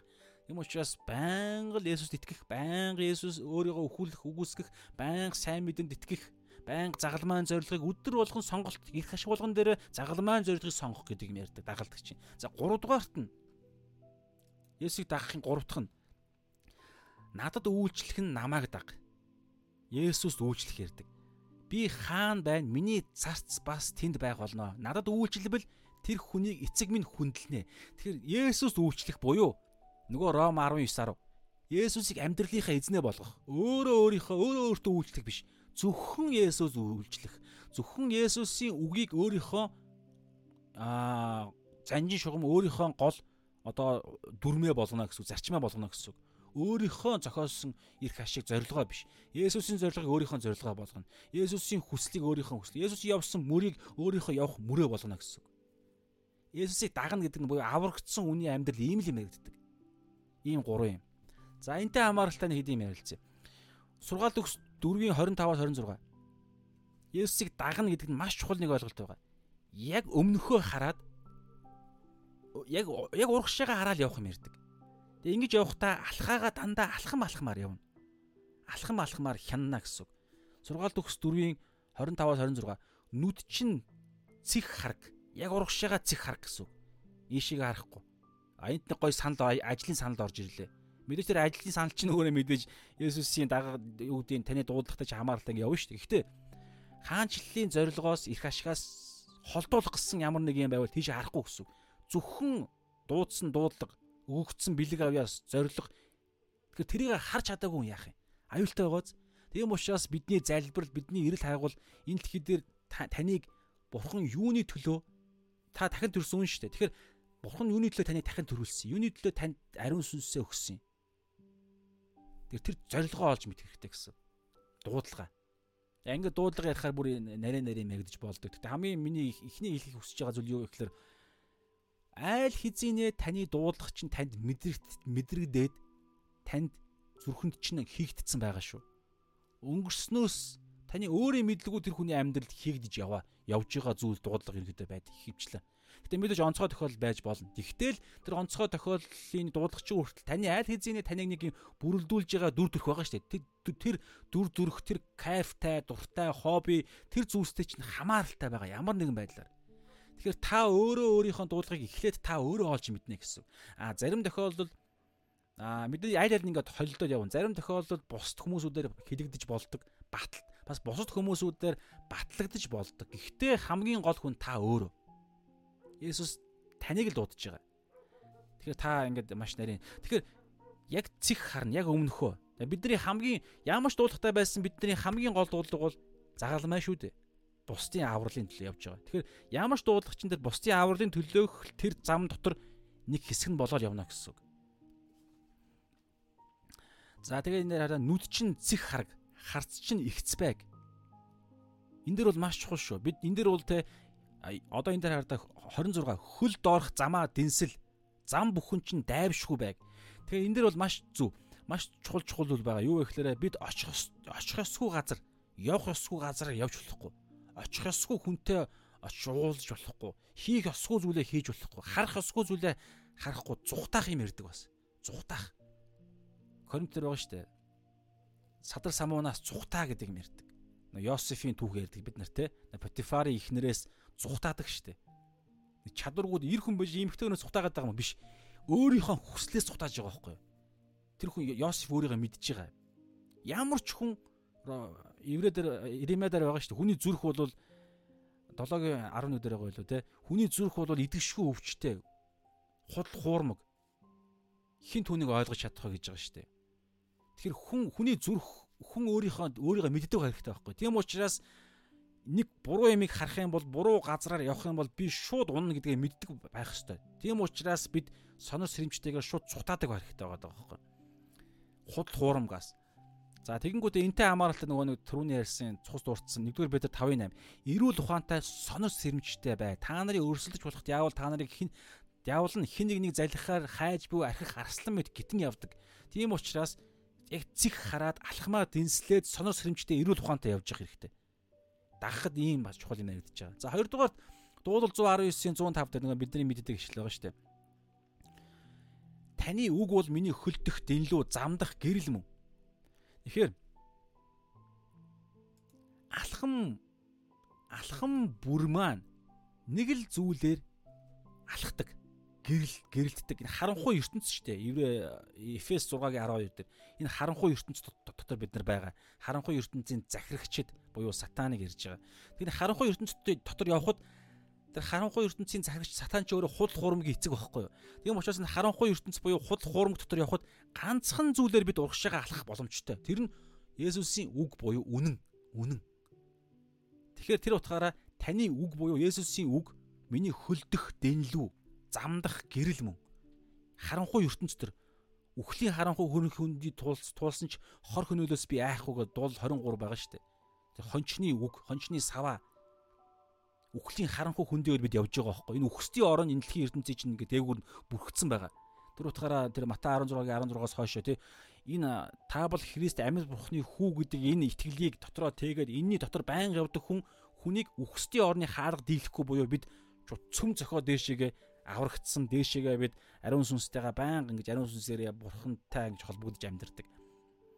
Үйлчлдэг бас те үйлчлэлээ бусдыг те аврал руу хөтэлдэг, дагуулдаг тэр Тэнгэрийн хаанчлалын түлхүүрүүдийг өгдөг бас холбодог, тасалдаг, тайлдаг. Тийм учраас те Есүсийн үг бол би яг албаар Есүсийн үг гэж хэлж байгаа шүү. Шин гэрээ маш чухал шүү. Шин гэрээнд дамаа Есүс Христийн үг, сайн мэдээний дөрвөн ном. Тэгээ сайн мэдээний дөрвөн номыг тайлбарлсан элч нарын загтлууд шинэ гэрээний 27 ном. За хуучин гэрээ бол шинэ гэрээний 27 номыг илүү дэлгэрүүлж, илүү өнгө оруулдаг. А тэрнээс биш. Хуучин гэрээ дангаараа биш шүү. Шинэ гэрээ. Тийм учраас шинэ гэрээгээ бид заавал судлах хэрэгтэй. Тэр тусмаа сайн мэдээний дөрвөн номыг За тэр тусмаа Йохан номыг, Матай номыг, за ингээд Марк, Лук аль аль нь бүгдээр дөрвөлнгээ судлах тусам бүр сайн. Мэдээж ойлгоход хэцүү зүйл гарч ирнэ. Тэр утгаараа одоо энэ мэдчлээ ингээд видеонод хүмүүсүүд гарч ирдэг. Тэгээд эдгээр эдийг илүү ойлгуулахын тулд захидлууд орж ирж байгаа. Ромоос эхлээл илчил. За яг илчлэлийг түр өгч. Ромоос эхлээл Юдаг хүртэл. За илчилт бол тэ ирээдүйн зүйлс. Гэхдээ илчил номыг судлах хэрэгтэй. Есүсийн хэлсэн үг бүрийг сахин биелүүлэх гэж ярьж байгаа. Дамаа илчилт 1-ээс 2 дугаар 2-оос 3 дугаар бүлэг бол тэ Эфес Аз дахь 7 чуулган шүү дээ. Тэр 7 чуулган чи илчилт номын анхны хүлээн авах хүлээн авахч нар байгаа байхгүй. Тэгээ тэр илчилт ном чинь зовлон зүдгүүр дунд биднэрт тайтгал болдог. Бидний найдвар болдог. Тэгээ Библиэлд чинь байгаа шүү дээ. Энэ Библиэс энэ номоос нэг ч үсэг хасч болохгүй буюу илчилт номыг заахгүй байж болохгүй байхгүй. Заах ёстой. Тэгээ заах чадахгүй байвал яах вэ гэхээр өө тэгвэл судлах хэрэгтэй гэсэн. Цагаа гарах хэрэгтэй гэсэн. Аа пасторууд те үг заадаг хүмүүсүүд энэ дэр заашгүй мөнгөө цагаа зориулах хэрэгтэй. Ягаад тэгэхээр үүрэг нь байгаа учраас нервууд хэлсэн шүү дээ. Нэгдүгээр Коринт дээр түрүү хэлсэн шүү дээ, тэ. Сайн нервууд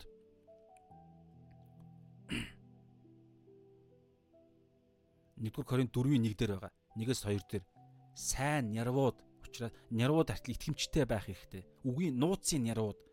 Тэгэхээр нервуудаа шаарддаг, итгэмжтэй байлыг шаарддаг. Тийм учраас ерөө нууцын нерв буюу үгийг заадаг, тунхагладаг пастор ахлагч нар бол зайлшгүй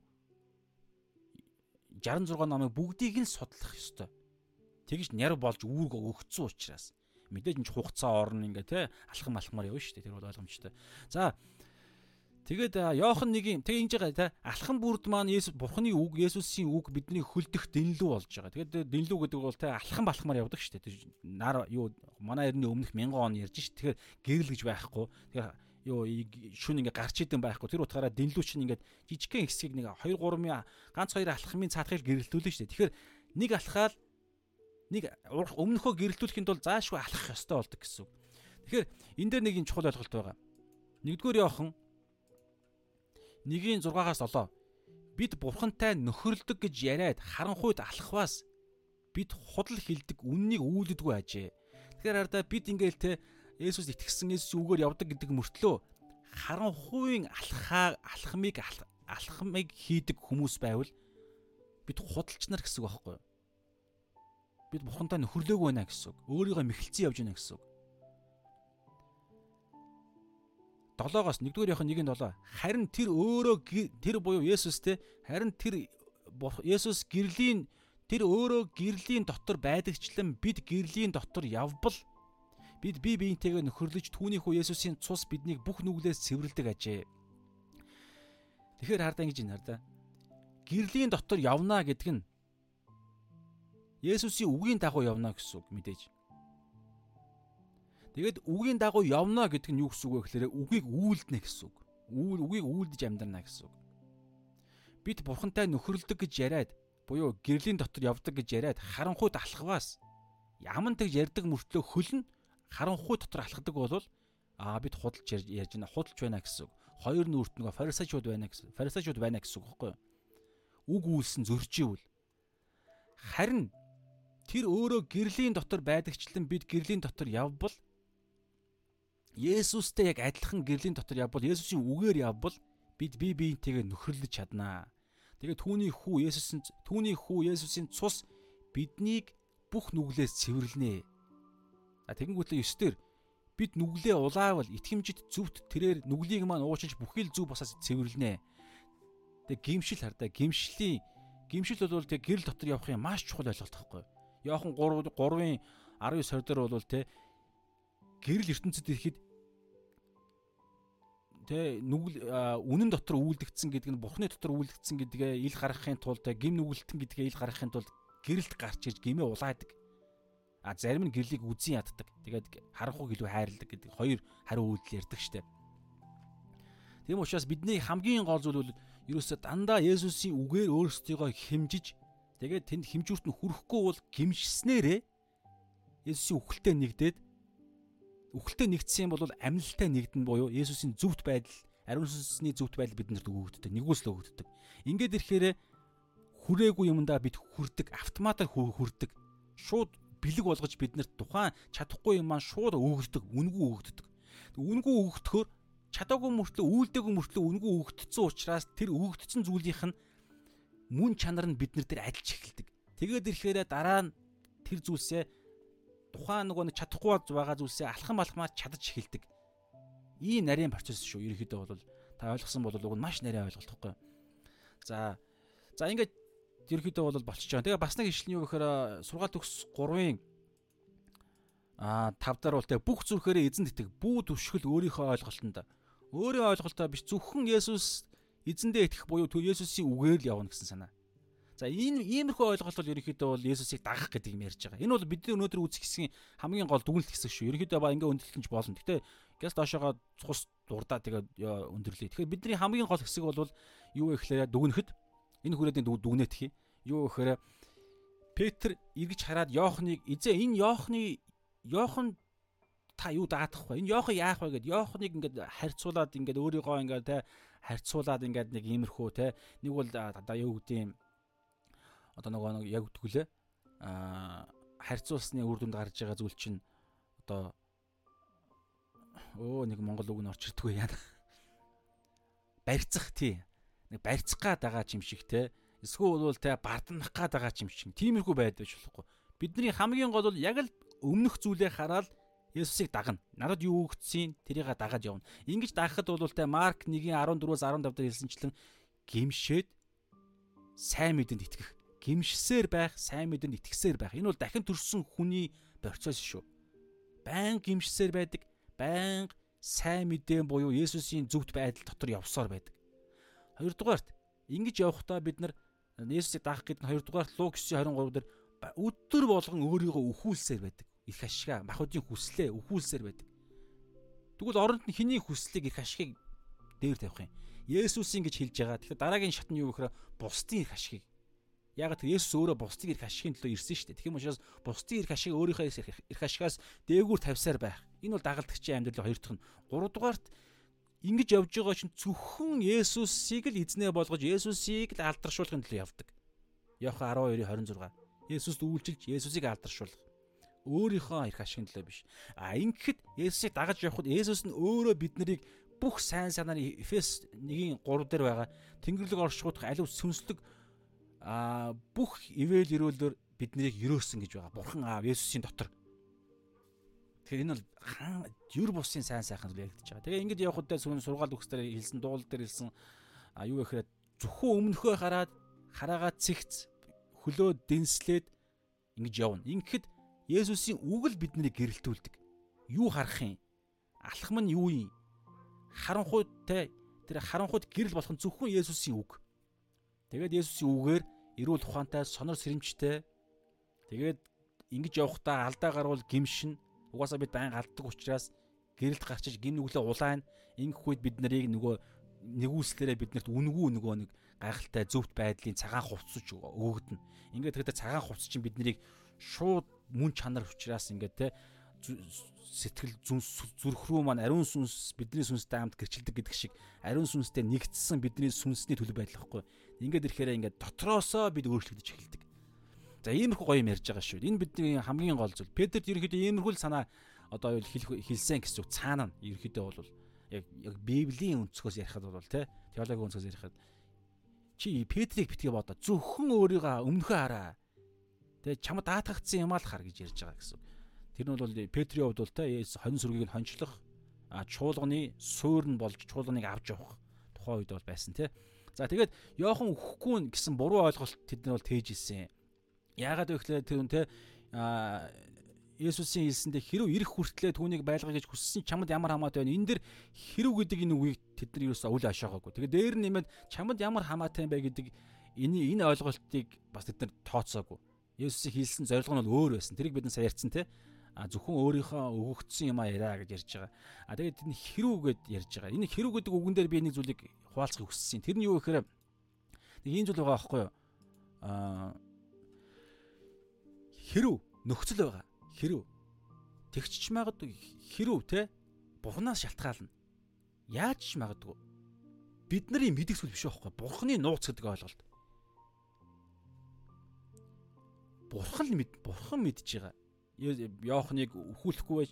Тийм тодорхой тохиол байгаа шүү дээ. Гэтэ мэдээж энэ дэлхий дээр мөнхөд амьдр юу одоо хүртэл амьдарч байгаа хүн байхгүй. Хамгийн урт нассан Метусала гэдэг 966 наслсан Нувагийн өвгцэг байгаа. Тэгтээ үхлийг үзээгүй шууд дээшигээ тэнгэр тэнгэр рүү очисон хоёр хүн байгаа шүү дээ.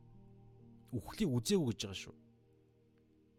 Хин а Енох байгаа. Енох хоёрдугаарт Илия байгаа те. Илия хоёр байгаа штэ. Үхлийг үзээгүй. Мөн биз дээ. Тий. А Мосе болохоор үхлийг үзсэн. Гэхдээ үхлийг үзээд тэгээд үхлийг өгсөн ч гэсэн биеийг нь аваад явсан гэж байгаа. А Есүс болохоор үхлийг үзсэн. Гэхдээ амьлаа дэше явсан. Тэ? Иймэрхүү ойлголтууд байгаа. А тэрнээс энэ дэлхий дээр удаан амьдарч байгаа юм бол байхгүй. Гэхдээ энэ дээр юу ярьж байгаа гэхээр а яалчгүй түн Йохан дээр бол ярьцсан те энэ дээр бол өөр юм ярьсан тэрхүү амьдрих нэг юу гэдгийг 100 орчим наслах те за 100 100 ч байх хөтэ 90 орчим наслах тэгээ 90-ээс Тэ нэг 90 орчим ч юм уу наслах хугацаанд яалтчгүй Есүсийн хоёр дахь ирэлтийг үзэгдэл дунд харсан. Сүнсээрээ ч гэдэг юм уу те. Өөр хэмжигдэхүүн дунд тэрийг бол ярьж ирсэн. Гэхдээ энэ дээр хараа Бид нар бол өөрсдөө өөрсдийнхөө ойлголтын дээрээ тулгуурлаа те. Яахан үхэхгүй нэгэд ярьж байгаа буруу ойлголт. Гэхдээ буруу ойлгосон байхгүй. Ягаад тэгэхээр энэ дунд нь хэрэг гэдэг үг байгаа. Хэрэг. Яаж магадгүй гэдэг юмдээ тэд нар шууд техник ойлгоцсон. Тэгэхээр энэ дэр нэг юм байгаа байхгүй. Яг яг ингэж ойлгохгүй шаардлагагүй ч гэсэн бурхны зөвхөн бурханд хамаатай гэдэг нууцуд байдаг. Энийг энийг хилдэг хишлэн вэ? Дид хул 29 29 чийсэд амархан те нууц зүйлс нь бидний бурхан эзэнд хамаардаг. Хэрвээ Библиэлд байхгүй Библиэлд хилэгдээгүй буюу нууцлагдсан гэсэн үг. Бурхан мэдэхгүй гэдэг үг биш шүү. Бурхан бүгдийг мэддэг Библи хэлж байгаа. Omniscience бүгдийг мэддэг мэдлэгтэй. Гэхдээ тэгсэн мөртлөө Библиэлд байхгүй зүйлс байгаа. Тэгэхээр тэр нь бурханд хамаатай гэсэн үг байхгүй. Биднэрт хамаагүй. Яг өнөөдөр Петрт хэлсэн шүү дээ. Яохны талаар яах их нь чамд ямар хамаатай юм бэ? Чи миний чамд хэлсэн үгийг чи өмнөө те байнга бодоод намайг эртэл энийга бат сагчи энэ итгэлийнхаа энэ дитмээ чи алдахгүй байх дээр л анхаар тэрний үг лээ намайг даг намайг дагна даг гэдэг нь Есүс хончин шүү дээ тэгэхээр энэ хончны сайн хончны энэ амьдралаар миний хонин сүргийг тижээ гурвануудыг тижээ хариул хамгаал ингэснээрээ чуулганы хатан сүр бол энийг л анхаар гэж ирсэн Тэг энэ үгнээс цаашаа битгий өөр зүйл рүү хөөцөлдөө гэсэн санаа байхгүй юу? Тэрний юу гэхээр Йохан юу яах юм болоо? Тэг бид нартай одоо хамааралтай гэсэн би одоо хуваалцсан. Тэгэхээр араа нууц зүйлс нь бидний бурхан эзэнд хамаарах бөгөөд харин илэрч мэдгдсэн зүйлс нь буюу Библийн 66 номон дээр байгаа бүх зүйлс нь бидэнд хамаарна. Бидэнд хамаарна. Бидний хүүгүүдэд үрд мөнхөд хамаарна. Тэгэхээр илчил номон дээр мэдгдсэн зүйлс байгаа юу? Байгаа бидэнд хамаатай юу? Хамаатай. Бид судлах хэрэгтэй гэсэн үг. Гэтэ зөвөөр судлах ёстой. Яг чуулганы уламжлалын дагуу а батлагдсан. Гэтэ олон олноороо ингэж олноор ингэж одоо хүлээн зөвшөөрөгдсөн комментари тайлбарууд байгаа. Англи хэлтэй хүмүүс бол хайж болно. Монгол хэл дээрэж гисэн байгаа. Тэгээ илчил номын бас саяхан нэг гой ном гарсан шүү дээ. UBDC-ийн пүүжо огш орчуулсан. Гэх мэтчлэн батлагдсан тэдгээр ингээд судлах ёстой бид нар. Бүгд хамаатай учраас.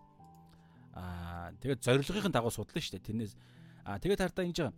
Бидний хүүгүүдэд үүрд мөх хамаарна. Бид нэр энэ хуулийн бүх үгийг мөрдүүлэхийн тулд тэр болоо. Тэгэхээр бид Есүсийн агуу захирамжтай те Бурхны хэлсэн Есүсийн хэлсэн тушаасан бүгдийг сахин биелүүлэхэд тэдэнд заа гэж байгаа. Тэгэхээр бүгдийг нь судлах ёстой. Бүгдийг нь л хуулийн пастор ахлагч багш нар заах үүрэгтэй гэсэн үг. Ягаад тэгэхээр үгийн нууцын нярв болсон учраас нууцын нярвуудаас түрүү 1-р Коринт 4-ийн 1-дэр хэлсэнчлэн итгэмжтэй байхыг бид нараас шаарддаг. Аа тэгээ ингэхэд бол те бас хэдээр байла. Тимот дээр бас байгаа юу гэж байгаа гэхээр Тимот дээр хаана байгаа вэ? Үгийг зөв хуваарлах гэж байгаа.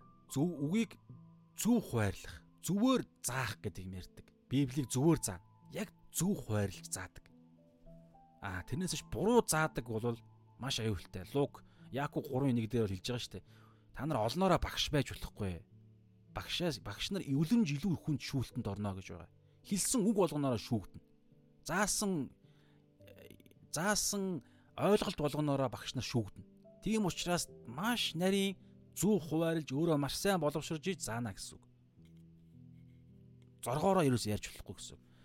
Тиймэрхүү юм байгаа. Тэр утгаараа цаг зарцуулнаа гэсэн юм санаа ярьж байгаа. За тэгээд энэ ардаа хамгийн гол энэ дэр хэлгээд байгаа санаа нь Библиэлд байхгүй нуулагдсан зүйл нь зөвхөн бурханд хамаатай. За бас нэг ишлэл. Үүс 1-ийн 7. Тэр одоо энэ болохоор Есүсийн хоёр дахь ирэлтэн дээр хүртэл бас юм санаа хэлж байгаа. Тэр тэдэнд эцэг өөрийн эрх мэдлэр хардаа өөрийн эрх мэдлэр өөрт нь хамаарагдсан нууцын тэрхүү зэрэглэлээр гэсэн үг шүү дээ. Өөрийн эрх мэдлэр тогтоогсон тэр цаг үеийг мэдэх нь та нарын хэрэг бишээ. Хамаагүй гэж байна. Тэр утгаараа Есүс хизээ ирэх юм бол гэж судлаад ингээл яриад ах шаардлагагүй байхгүй. Бидэнд хамаагүй. Энэ зөвхөн Бурхан аав л мэднэ. Тэр утгаа хүүч мэдэхгүй. Бурхан аав л мэднэ. Хүү зүгээр аавд даатгсан.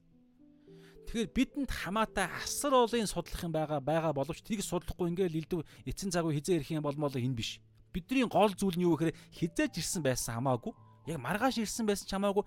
Яг өмнө бидэнд даатгагдсан зүйлээ л бат сахих нь бидний үүрэг. Тэрнээс биш хизээ ирэх юм бол ингээд судлаа. Тэгээд тэрээ мэдчихвэл те тэр хугацаанд нь те сайхан ингээд хүснээрээ зургаараа амар тайван байх гэдэг юм үгүй байхгүй. Өдөр болгон ирэх мэтэрл бид амьдрах юм ярьж байгаа. Ягаад тэгэхээр өдөр болгон хүн өгч байгаа шүү дээ. Өдөр болгон хүн өгч байгаа. За, иймэрхүү зүйл ярьж байгаа.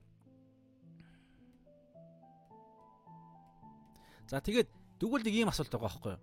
За тэгвэл Библиэлд бичигдээгүй зөвхөн бурхны мэддэг дэд тул 29-29-тэй үйлснийг нь болоод хэлсэнчлэн зөвхөн бурхан аавын мэдж байгаа тэрхүү нууц зүйлсүүдийг бидэнд хамаагүй байна. Тэгвэл бидэнд хамаатай бидэнд ичлэгдэж бичигдсэн зүйлсүүд нь бидэнд ямар байдлаар хамаатай юм? Яах гэж юуны зорилгоор бидэнд бичигдсэн юм?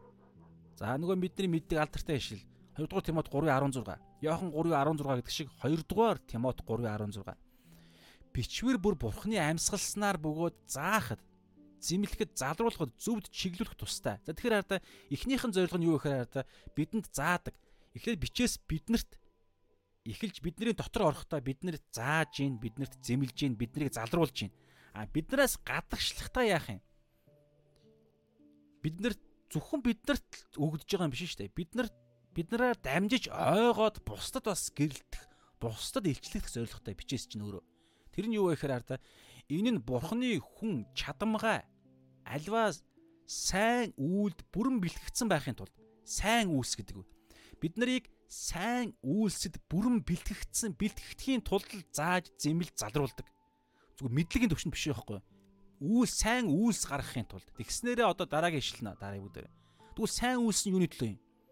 Матай 5:16 хүмүүс та нарын сайн үйлсийг хараад тэнгэрдэг эцгийг чинь алдаршуулахын тулд та нарын гэрэл тэдний өмнө тийхүү гэрэлдэг. Тэгэхээр бидний сайн үйл болохоор гэрэл ахгүй юу? Энэ дэлхийн ертөнцид гэрэл болдог. А тэгвэл гэрэл гэрэл тэгвэл тэр харанхуйд байгаа хүмүүсүүд тэр бидний сайн үйлс тэднэрт гэрэл гэрэлт гэрэлтэн штэ. Тэгэхээр тэрний зорилго нь юу юм гэхээр тэнгэр дэх эцгийг алдаршуулах гэж. Бидний сайн үйлсийг хараад хүмүүсүүд Бурхан аавыг алдаршуулах тийм зорилготой. Тэгэхээр бичээс чинь ийм л зорилготой гэсэн. Бурхан аавыг алдаршуулах зорилготой. За би нэг ишлэгээ ягч байгаа мартчих. Бурхан аавыг алдаршуулна гэдэг нь юу гэхээр Есүсийг алдаршуулна гэсэн үг. Йохан дөр бол хосор олон газар байгаа. Эцгийн өвөрдөх хүүн түүнийг илчилсэндээ хүүд очих цорын ганц зам бол яа бурхан аавд очих цорын ганц зам үнэн ам бол юу Есүс те Тэ а яг ишлэлээр гон зөндөө олон ишлэл байгаа байхгүй. Йохан 6 дээр олон ишлэл байгаа. Есүс Есүс бурхан аавын хүүд итгэж тэ хүүд итгэж түүний дотор мөн хамтаа байх нь бурхан аавын хүсэл. Тэ тэгээд хүү Филиппо 2 дээр ч гэсэн байгаа шүү дээ. Ер нь олон газар байгаа л да. Есүс алдарших нь өөрөө бурхан аавын бурхан аав алдарших алдарч байна гэсэн үг байхгүй. Тэгэхээр Есүст итгүүлэхийн тулд бидний сайн үйлс ийм л зоригтой. Бид өөрсдийгөө ерөөсөө алдаршуулах биш. Бид өөрсдөө ашиг онцоо ерөөсөө олохгүй. Ганцхан зоригтой. Тэдгэр хүмүүсүүдийг Есүс итгүүлэхийн тулд бид сайн үйлс хийдэг. А тэрнээс биш зүгээр буй нийгмийн сайн ажилтан болохын тулд биш шүү дээ. Сайн мэдээний зорилгоор. Тэгэхээр би Библи чинь ийм л зорилгоор Библиэлд асар олон нууцуд илчлэгдсэн гэсэн үг. Бид нарыг эхлээ зааж зэмлэж залруулж оюун санааг нь шинжилээд шинжлэгдсэн оюун оюун санаатай хүн маань яг тэ сайн үйлд бүрэн бэлтгэгдсэн байхын тулд тэ чадамгаа альва сайн үйлд бүрэн бэлтгэгдсэн. Хизээ бүрэн бэлтгэх бэлтгэнэ гэдэг чинь хизээ нэгэн цагт гинт сайн үйлс хийх шаардлага гараад сонголт хийхэд шууд тэр дороо хийх бэлэн байдлыг ярьж штэ. Тэгэхээр ингэж чадах ганцхан арга зам байгаа. Тэрний юу гэхээр ариун сүнсний тэрхүү гайхалтай ажиллаар тусалгаагаар тусламжаар оюун санаагаа шинжилсэн хүн л шинжлэгдсэн тэр парадайм гэж байгаа үзэл бодлын тогтолцоотой болцсон хүн чинь хизээ хамаагүй хэдхэн секундын дотор сайн үйл хийж чаддаг. Зөв сонголтыг хийж чаддаг. Энэ иймэрхүү нөхцөл байдал дунд л хүмүүсд хараад энэ хүн чи ямар сонир хүн бэ? Яаж ингэж чадж ийна гэдэг юм гарна гэсэн. Ингиж нэг сонир үнэн үнэн тэнд илчлэгдэнэ гэсэн. Ингэснээрээ тэдгэр хүмүүсүүдэд бид сайн Есүсийг гэрчлэх гэрэл гарч ирдэг гэсэн үг байхгүй юу? За тэгээ энэ дээр бас нэг ишлэл хэлье. Эфес 4-ийн Эфес 2-ийн 10 дээр за 8 9 дээр нэгж байгаа да нэгүслийн учир итгэлээрээ аврагдсан та нараас бус харин бурхны бэлэг бөгөөд үйлсээр чинь биш тул хинч үйлс сарих болно. Тэгэхээр бидэнд бүх зүйл өгөгдсөн. Бид нэр ямар ч оролцоогүйгээр. Тэгвэл яах гэж бид нарт энэ тэ нэгүслийн учраас итгэлээр авралыг биднэрт нэгүслэр үнгүү өгж байгаа юм. Тэгээ бэлгийг өгж байгаа юм. Үүсээр биш энэ бүгдийг ягаад бэлэг болгож өгж байгаа юм. Аврал аврал дотор шин бүх юм орж байгаа байхгүй юу? Тэр бэлэг авьяас мавьяас байр суурь эрх мэдэл бүх юм орж ирнэ гэсэн. Энийг ягаад үнгүү өгсөн гэхээр 10 дугаар ишлэлээр учир нь бид сайн үйлсийн төлөө Христ Есүс дотор бүтээгдсэн гэж байгаа. Сайн үйлсийн төлөө. Зөвхөн Есүсийн дотор энэ боломжтой. Тэгвэл энэ яах юм? Сайн төлөө бүтээгдсэн түүний бүтээл мөө? Бурхны бүтээл. Биднийг эдгээрийн дотор яваасаа гэж Бурхан урдаас бэлтгэсэн. Тэг ингэснээрээ ерөөсөө л эдгээрийн дотор явах буюу нөгөө нэг сайн үйлсч нөгөө загалмайн зориг, бусдын аврал. Тэгэхээр Бурхныг алдаршуулахын тулд бид сайн үйлсийн төлөө бүтээгдсэн. Үнгүй билгүүд өгөгдсөн. Авиас чадварууд. За тэгэхээр ерөнхийдөө бол ийм л юм ярьж байгаа. Харин нууцлагдсан зүйлсүүд нь биднэрт хамаагүй шүү. Тэрний төлөө бид хойноос нь хөөцөлдвөл аюултай. А аюултай гэдэг нь юу гэхээр бид цаг гарцтнаа гэсэн үг, магадгүй энэ дээр төөрөх аюултай гэсэн үг, Тийм учраас буруу ойлголт гарч тийм учраас бид гол өгөгдсөн зүйлсээ л хийх ёстой. Тэр өгөгдсөн бичээсээр байгаа зүйлсүүд нь юу ярьж байна? Ерөөсөө л сайн үйлсэд бүрэн бэлтгэхийн тулд. Тэгэхээр тэр сайн үйлс нь бид өөрийгөө алдаршуулах биш. Дандаа бурхан аавыг буюу Есүсийг алдаршуулна. Тэгэхээр сайн үйлс ихэд өө инх тайвна өө бата чи ямар мундаг хүн бэ гэж хэлүүлж болохгүй байхгүй юу? Мэдээж хэлүүлнэ. Тэг хэлэх болгонд нь араас нь те гэрчлэх. Тэр дор нь гэрчлээ хэлчих хэрэгтэй байхгүй юу? Өө харин би ийм байгаагүй маа гэж юус болоо. Би ийм байгаагүй. Би өстэй амар өөр хүн байсан шүү дээ. Харин Есүст итгэсэн чинь Есүстэй Есүс итгэснээс хойш цуглаанд явснаас хойш би нэр үнэхээр бурхан аав маань бурхан намайг өөрчилсөн. Би үнэхээр гэрчлөөнд гарсан гэж хэлнэ гэсэн үг. А ингэж хэлэхгүйгээр тэ өө за баярлаа урам өгсөнд баярлаа гэж хэлчих юм бол яах вэ гэхээр бид өөрсдөө алдрыг авчлаа л гэсэн үг байхгүй юу?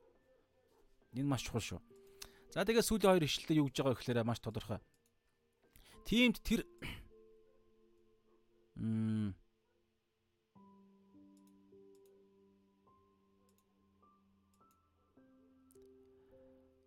За. Юу гэхээр аа сүүлийн хоёр ишлэл. За, тиймд биш ээ 24 25. Тэгээ өндөрлөе. Тиймд биш ээ. Тиймд тиймд гэж юм.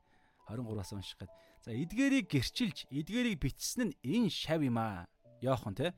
Түүний гэрчлэл үнэн гэдгийг бид мэднэ. Есүсийн үйлдэлсэн бас өөр олон үйлс бий. Хэрв эдгээрийг нэг бүрчлэн бичсэн бол бичигдсэн номуудыг энэ ертөнц багтаахгүй байхсан гэж би боддгоо гэд Йохан ном номыг Йохан элч маань дүгнээд дуусгаж байна. За энэ дээр нэг товчхон зүйл яриад өндөрлөе. За юу ихлээр Йохан 15-ын 26-аас 27 дээр аа нэг зүйлийг гэрчилж байгаа байхгүй юу? эцгээс гарах үнний сүнс болох туслагчийг би та нарт эцгээс илгээхэд тэр сүнс намайг гэрчилнэ. Та нар эхнээсээ надтай хамт байсан тул бас гэрчилнэ. Энэ ардаа та нар гэдэг дээр энэ яг энд бол яг одоо 11 байгаа байхгүй Йохан Юдаас урваад гараа явцсан. Йох 10 Йох 13 дээр. Тэгэхээр яг 11 нь байгаа. Энэ 11-ийн дунд Йохан байгаа шүү дээ. Йохан номыг бичиж. Тэгэхээр та нар эхнээсээ надтай хамт байсан учраас бас намайг гэрчилнэ гэж шүү дээ. Тэгэхээр тэрнээс өмнө 26 дээр эцгээс гарах үнний сүнс болох туслагчийг би та нарт эцгээс илгээхэд тэр сүнс эцгээс буюу дээшээ явж явж байгаад илгээсэн шүү дээ. Тэ 10 дээшээ яваад 10 хоногийн дараа ариун сүнс ирсэн Пентекостийн баяраар. Эцгээс илгээхэд тэр сүнс намайг гэрчилнэ. Тэгэхээр ариун сүнс Есүсийг гэрчилдэг. Дээр нь нэмээд та нар эхнээсээ надтай хамт байсан учраас намайг гэрчилнэ. За энэ дээр нэг юм би нэг юм схем гаргаж байгаа. Нэг юм загвар. Энэ ишлийн дагуу За энийг би яагаад өнөөдөр энэтэй холбоод байгаа гэхээр ингэсэн шүү дээ. Эд энэ сүүлийн дүгнэлт хоёр ишлийн ишлэлээр ингэсэн те эдгээрийг гэрчилж энэ 21-р 21 бүлгийн турш бид нэг үзэж дуусчих шүү дээ. Тэгэхээр эдгээрийг гэрчилж эдгээрийг бичсэн нь энэ шав юм аа. Түүний гэрчлэл үнэн гэдгийг бид мэднэ гэж зоригтой хэлж байгааз. Тэгэхээр энийг яаж батлах юм гэхээр саяны ишлэлээр Йоханы гэрчлэл үнэн гэдгийг яаж батлах юм?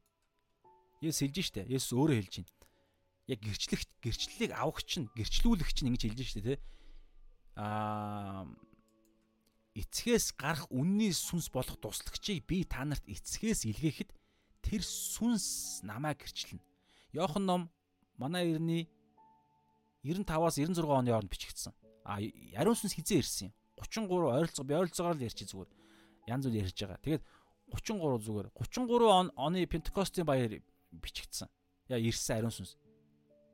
А тэгээд тэрнээс хойш ойролцоогоор 60-аад жилийн дараа Йохан бичигдсэн шүү дээ тий.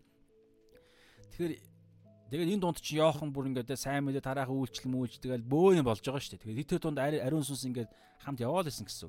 Тэгэхээр эцгээс гарах үнний сүнс болох туслагчийг би та нарт эцгээс хэлгээхэд тэр сүнс намайг гэрчлэнэ. За дээр нэмээ та нар эхнээсээ хамт байсан. Эхнээс нэгд низээ. Есүсийг үйлчлэлийг эхлэхээс эхлээл хамт байгаа. Йохан 1-р бүлэг дээр Йохан ингээд эхэлж байгаа шүү дээ. Яг Есүсээр сонгогдоод намайг даг гэдэг үгээр нь эхэлж байгаа. Тэгэхээр анханасаа 3 жилийн үйлчлэл дээр хамт байсан Йохан. Дээр нэмээд Йохан ариун сүнсний сүнсийг тээсэн Йохан.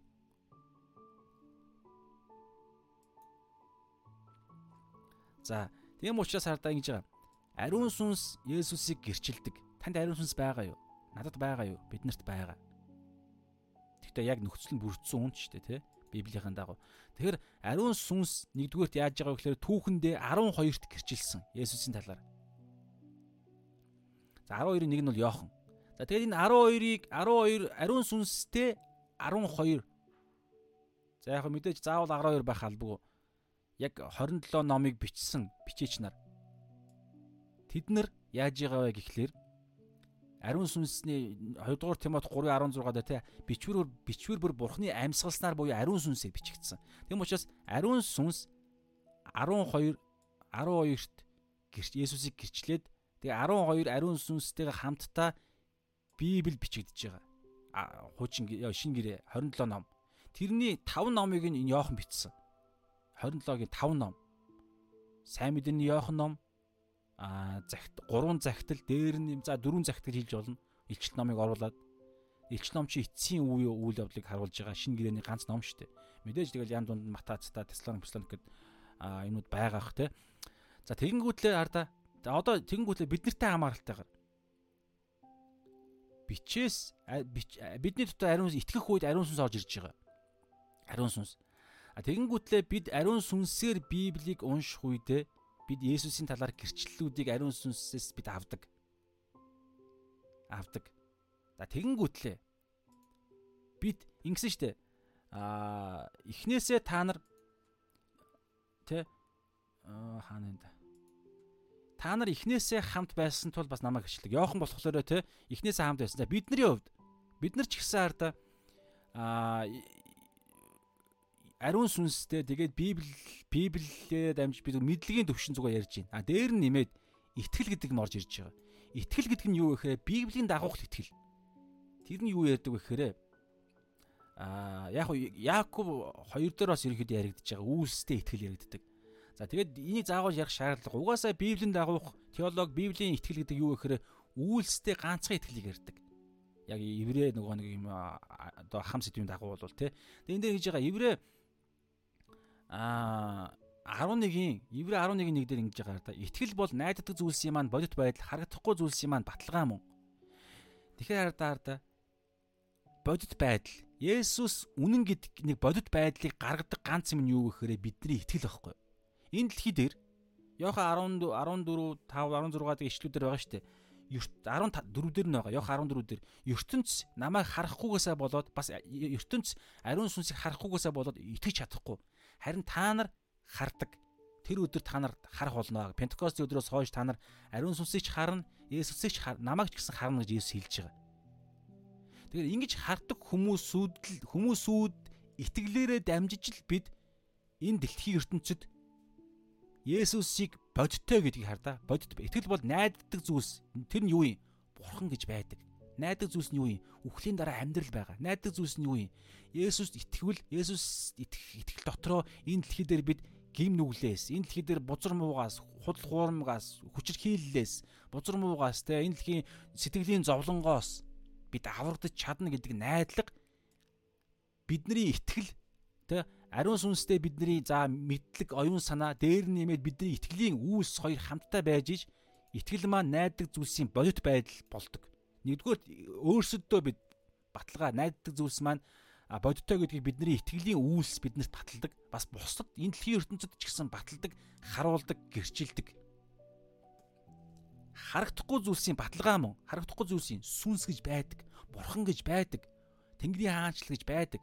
Энэ Монгол улс дотор, энэ Улаанбаатар хот дотор, чуулганууд дотор Тэнгэрийн хаанчлал энэ христийнхэн гэдэг энэ нэг юм community энэ нэг юм те одоо холбоо бүлэглэл байна. Энэ дотор бурхан адилж гин, хайр адилж гин. Энэ дотор юр бусын эдийн засгийн хүч биш, бурханы хүч, хайрын хүч энэ дотор байна гэдгийг итгэлийн үйлс үйлсэл биднэрт харуулдаг. Үйлсгүй бол харуулахгүй. Үйлс. Тийм учраас итгэл бол гэдэг нь итгэл энэ итгэл дотор нь үйлс заавал явдаг шүү. Тийм библийн ойлголтоор бол. За тийм учраас нэг ярьж байгаа. Тийм учраас арда гэрчлэл гэдэг дээр бол ийм ярьж байгаа. Мэдээж тухайн нөхцөл байдлаар ариун сүнстэй 12 гэрчилж байгаа. Тэрний үр дүнд бидэнд үлдсэн гар дээр байгаа юм нь юу гэхээр бичээс. За энэ бичээсээр дамжиж бид нар ариун сүнсийг бас авдаг. Одоо сайн мэдээ гэсэн үг шүү дээ. Ариун сүнсийг авдаг. Ариун сүнс нь эргээд бичээс рүү бид нарыг аваачдаг. Тэгэхээр бичээсээр дамжиж ариун сүнс л ярьдаг. Библиэр дамжиж. Тэгээд бид нар оюун санаа шинжилдэг. Шинжлэгдсэн оюун санаатай хүн маань итгэлийн үйлсүүдийг гаргаж ирдэг. Ингээд ирэхээр бид энэ дэлхий дээр ч гэсэн Есүсийг гэрчилдэг. Гэрчилдэг. За энэ дээр нэг ганц ишлэл яриа тэгээд ерөнхийдөө өндөрлөе. За за ганц ишлэл яриа. Еврей 12-ын 1 дээр Тиймээс бид өөрсдийг мань хүрээлэн буй үүл мэт үлэмж их гэрч нартай тул альва саа дотгор ба амархан өргөддөг нүглийг хажуу тийш нь тавьж өмнөө тавигдсан уралдаанд төвчээртэйгээ гүйцгээе гэж байгаа. Тэгэхээр юу гэхээр нэг л зоригтой гэрчл гэрчлүүд биднэрт өгөгдөж байгаа. Тэр нь юу гэхээр өмнөө тавигдсан уралдаанд төвчээртэйгээр гүйх. Уралдаанд юу байгаа юм? Гараа гэж байгаа, барай гэж байгаа. Гараа нь юу юм? Бид ус бас үнсээр дахин төрснөөрөө аврагдсанараа итгэх итгэх үед, аврагдах үед, итгэх үед бид гараа маань эхэлсэн. Барай нь юу юм? За хамгийн тодорхой баталгаатай нь юу гэхээр энэ дэлхий дээрх хугацаа маань дуусаад өөх үед барай. Тэр үхэн үхтлээ бид барил өмнөө тавигдсан уралдаанд төвчээртэйгээ ямар үед хүн төвчтiin? Төвчхийн аргагүй үед хэцүү үед хүн төвчээр шаардлагатай шүү дээ. Ямар ч төвчих шаардлагагүй мөрөөрөө зүгээр ингээд шайргадна гэдэг шиг урсгалаараа явдаг юм дээр бол төвчээр хэрэггүй шүү дээ. Хэцүү зүйл л төвчдөг. Тийм учраас бидний итгэлийн амьдрал бол яад ч хөө биднээс төвчээр шаардлагатай. Тэгээ эн чинь барай хүртлээ төвчнө. Барай хүртлээ. Тэгэхээр ямар ч зүйлд хугацаа гэж байгаа. Наран дор бүх зүйл хугацаатай. Энэ дэлхий дээрх зовлон хүртэл хугацаатай. Энэ дэлхий дээрх амьдрал маань он жилүүд маань хүртэл хугацаатай. Библиэлд бол тодорхой хэлсэн. 70-аас 80 жил энэ шинжлэх ухаан ч гэсэн баталж байгаа. Тэ? Ойролцоогоор 80 жил. За үсрээл 80 хүрэх. За 90 хүрэх үү те? Монгол хүн. Дундаж наслал 70. 70-аас 80 жил. Библи ч гэсэн дуулал дээр байгаа байхгүй 70-аас 80 жил гэж байгаа. Тэгэхээр энэ хугацаанд би төвчих юм ярьж байгаа. Тэгээ ингэхэд биш үү юу биднэрт хэрэг болдог вэ гэхээр гэрч гэрчүүд тэн дээр хамгийн тодорхой ялсан шүү дээ. Хамгийн тодорхой гэрчил нь юу гэхээр бичээс. Дээр нэмээд бидний итгэл биднэрт гэрчилдэг. Дээр нэмээд ахан дүүс нарын итгэлүүд биднэрт гэрчилдэг. За энэ дээр хардаа тиймээс бид өөрсдийг маань хүрээлэн буй үл үүл мэт ас үүл мэт үлэмж их гэрч нартай тул альваас саа дотгор ба амархан өргөддөг нүглийг нүглийг хажуу тийш нь тавья. Оронд нь тэр гэрчлэн гэрч нараар гэрчлэгддэг тэр үннийг бүгдээрээ өмнөө тавиад уралдаандаа тэр үнний дагуу гүйцгээе. Харин нүглийг хажуу тийш нь тавья гэж байгаа байхгүй юу? Нүгэл чинь тэ нэг бодит байдал хараал гэм нүгэл махуудын хүсэлд ачаал үхэл нөгөөд бол бас нэг бодит байдал байгаа. Тэр нь тэрийг хэн гэрчилдэг вэ гэхээр гэрч нар Библи байна. Аман тэ одоо нүдэн гэрч нарын бичиж үлдээсэн ном 2000 жилийн турш. Дээр нэмээд тэр номонд нь итгээд үйлс гаргаад тэгээд амьдрал дээрээ баталсан олон итгэлийн ахан дүүс нар маань байна. Пастор ахлагч нар маань, итгэлийн найзууд маань байна. Дээр тэр утгаа бид нар та олон жил итгэсэн бол бидний амьдрал ч гэсэн итгэлээрээ хийгээд ивэл ирүүл итгэлээрээ хийгээд батлагдсан гэрчүүд гэрчлэлүүд байгаа. Тэд нар маань хүртэл бид нарыг нүглийг хойш нь тавиад үнний дагуу явхад биднэрт аа хүч зэвсэг болдог. За ингэхэд байж тээ энэ уралдаанд гүхэд ганцхан л одоо юу байгаа? Аа хүч байгаа. Ганцхан л тийм фокус байх хэрэгтэй. Тэрний гэхээр хоёрдугаар ишил итгэлийг ихлүүлэгч нөгөө уралдааны уралдааныг ихлүүлэгч бөгөөд төгсгөгч хүний хизээ хүхийгч бурхан мэднэ. Хүн төрлөختний хизээ дуусах буюу хоёр дахь ирэлтийг ч гэсэн бурхан мэдж байгаа. Итгэлийг эхлүүлэгч тэрийг Есүс хоёр дахь ирэлтээр Есүс өөрөө шүүн. Тэгэхээр итгэлийг эхлүүлэгч нь юу юм? Есүсээр аврагдана. Хоёр дахь шүүлт нь бас Есүсээр. Тэгэхээр итгэлийг эхлүүлэгч бөгөөд төгсгөгч болох Есүс өөд хараа өөд харцгаая гэж байгаа өөрийгөө биш махуудын хүс биш энэ дэлхийн ертөнц биш энэ дэлхийн ертөнцийн модель загвар одууд биш зөвхөн Есүс өөд Тэр нь хаана байгаа юм? Зөвхөн Библиэл дээр байгаа. Тэгээ бидний дотор байгаа ариун сүнс тэр Библи рүү л бид нарыг тэр Библи ч өөрөө ариун сүнсээр бичигдсэн гэж 2 дугаар Тимот 3:16 дээр хэлсэн тий. Тэгээд харцгаая. Тэрээр өмнө нь тавигдсан баяр баясгалангийн төлөө гутамшиг ус эс тоомсорлон загалмайг дэвтсэн бөгөөд Бурхны сэнтийн баруун гарт заларсан нэг юм аа гэж байгаа. Тэгэхээр Есүсийг харна гэдэг нь Есүсийн явсан мөрийг харна гэсэн үг. Энэ дэлхийд амьдрсан амьдрал, загалмай амьдрал, үхсэн үхэл, загалмай үхэл энэний үр дүнд гарсан алдаршуул эцгийн баруун гар талд. Тэгээ бидний амьдрал чинь загалмай амьдрал. Өөрийгөө үгүйсгэх амьдрал, бусдын эрх ашигыг хүлээн зөвшөөрөх амьдрал. Тэр нь сайн мэдээний төлөө бусдын сайн мэдээ авралын төлөө л бид бусдын эрх ашигыг те а чухалчлах байдлаар сайн мэдээнд аврал авралын сайн мэдээ дамжуулна гэсэн үг.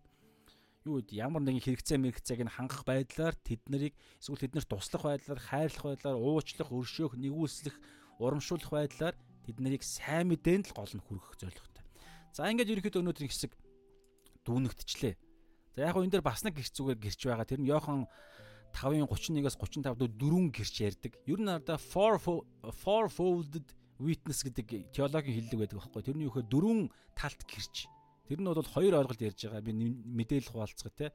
Мэдэх хүмүүст мэдэх байх. Матай, Марк, Лук, Йохан дөрвөн талт гэрч. Fourfold буюу дөрөв нугалсан гэсэн үг. Дөрвөн талт гэрч. Матай Марк Луг Йохан. За нэгдүгээр хоёрдугаар Матай Йохан 5-ын 31-ээс 39 дээр хэлж байгаа. Нэгдүгээр Баптист Йохан. Хоёрдугаар Есүсийн хийсэн гайхамшиг үйлсүүд. Гуравдугаарт эцэг бурхан өөрөө. Дөрөвдүгээрт бичээс буюу хуучин гэрээ ярьж байгаа. Энэ дөрөнгө. Тэгээ энэ дөрвийг ярихад ойлгоход чэйлэхэд амархнаар ингэж ярьж байгаа. Ингэж би зүгээр ойлгох дуртай. Юу гэхээр Баптист Йохан болохоор Есүс өөрөө өөрөө бас хэлдэг. Матай 11 дээр эмэгтэйчүүдээс төрөхстөөс хамгийн агуу нь Йохан гэж байгаа. Эмэгтэйчүүдээс буюу Тэнгэрийн хаанчлал биш байгааз ариун сүнсээр биш зүгээр хүн төрлөخت нь зүгээр гим нүгэл мөглөлтэй тэр бүх одоо юу гэдэг зүгээр хүн төрлөخت нь эмэгтэйчүүдээс ээж э, эрэгтэй эмэгтэй хоёр хүнээс төрсэн гэсэн үг шүү дээ. Зүгээр мах одоо ер нь хүн төрлөختийг ярьж байна гэсэн үг. Тэгэхээр хүн төрлөختнөөс хамгийн агуу гэдэг дээр бол э, Йохан Баптист. Хүн төрлөختний э, хүн төрлөختн чи өөрөө энэ дэлхий дээр хамгийн дээд эрх мэдэл шүү дээ ан араатан агаар тий араатан амьтад бүх хүн төрөл бүх бүтээлийн хамгийн дээд төрөл дээд эрх мэдэлтэй дээд байр суурь нь хүн төрөл хүн. Тэгэхээр хүн төрлөخت нь дундаас хамгийн агуу баптист Иохан гэж Есүс хэлсэн. Тэгэхээр энэ дэлхийд ирэх бүтээлүүдээс хамгийн дээд гэж баптист Иоханы зүгээр гаргаж ирж хэлж болж байгаа юм. Төлөөлөл. Нэгдүгээрт. Хоёрдугаарт хүн төрлөختний дээр байгаа дээд эрх мэдэл нь юу юм? Бурхан. Гурвлаар оршиж бурхан. Ингээд ирэхээр эцэг хүү ариун сүнс. Тэгэхээр одоо үйлс гэдэг дээр Матай 12 дээр хэлж байгаа. Ариун сүнсийг хэлж байгаа.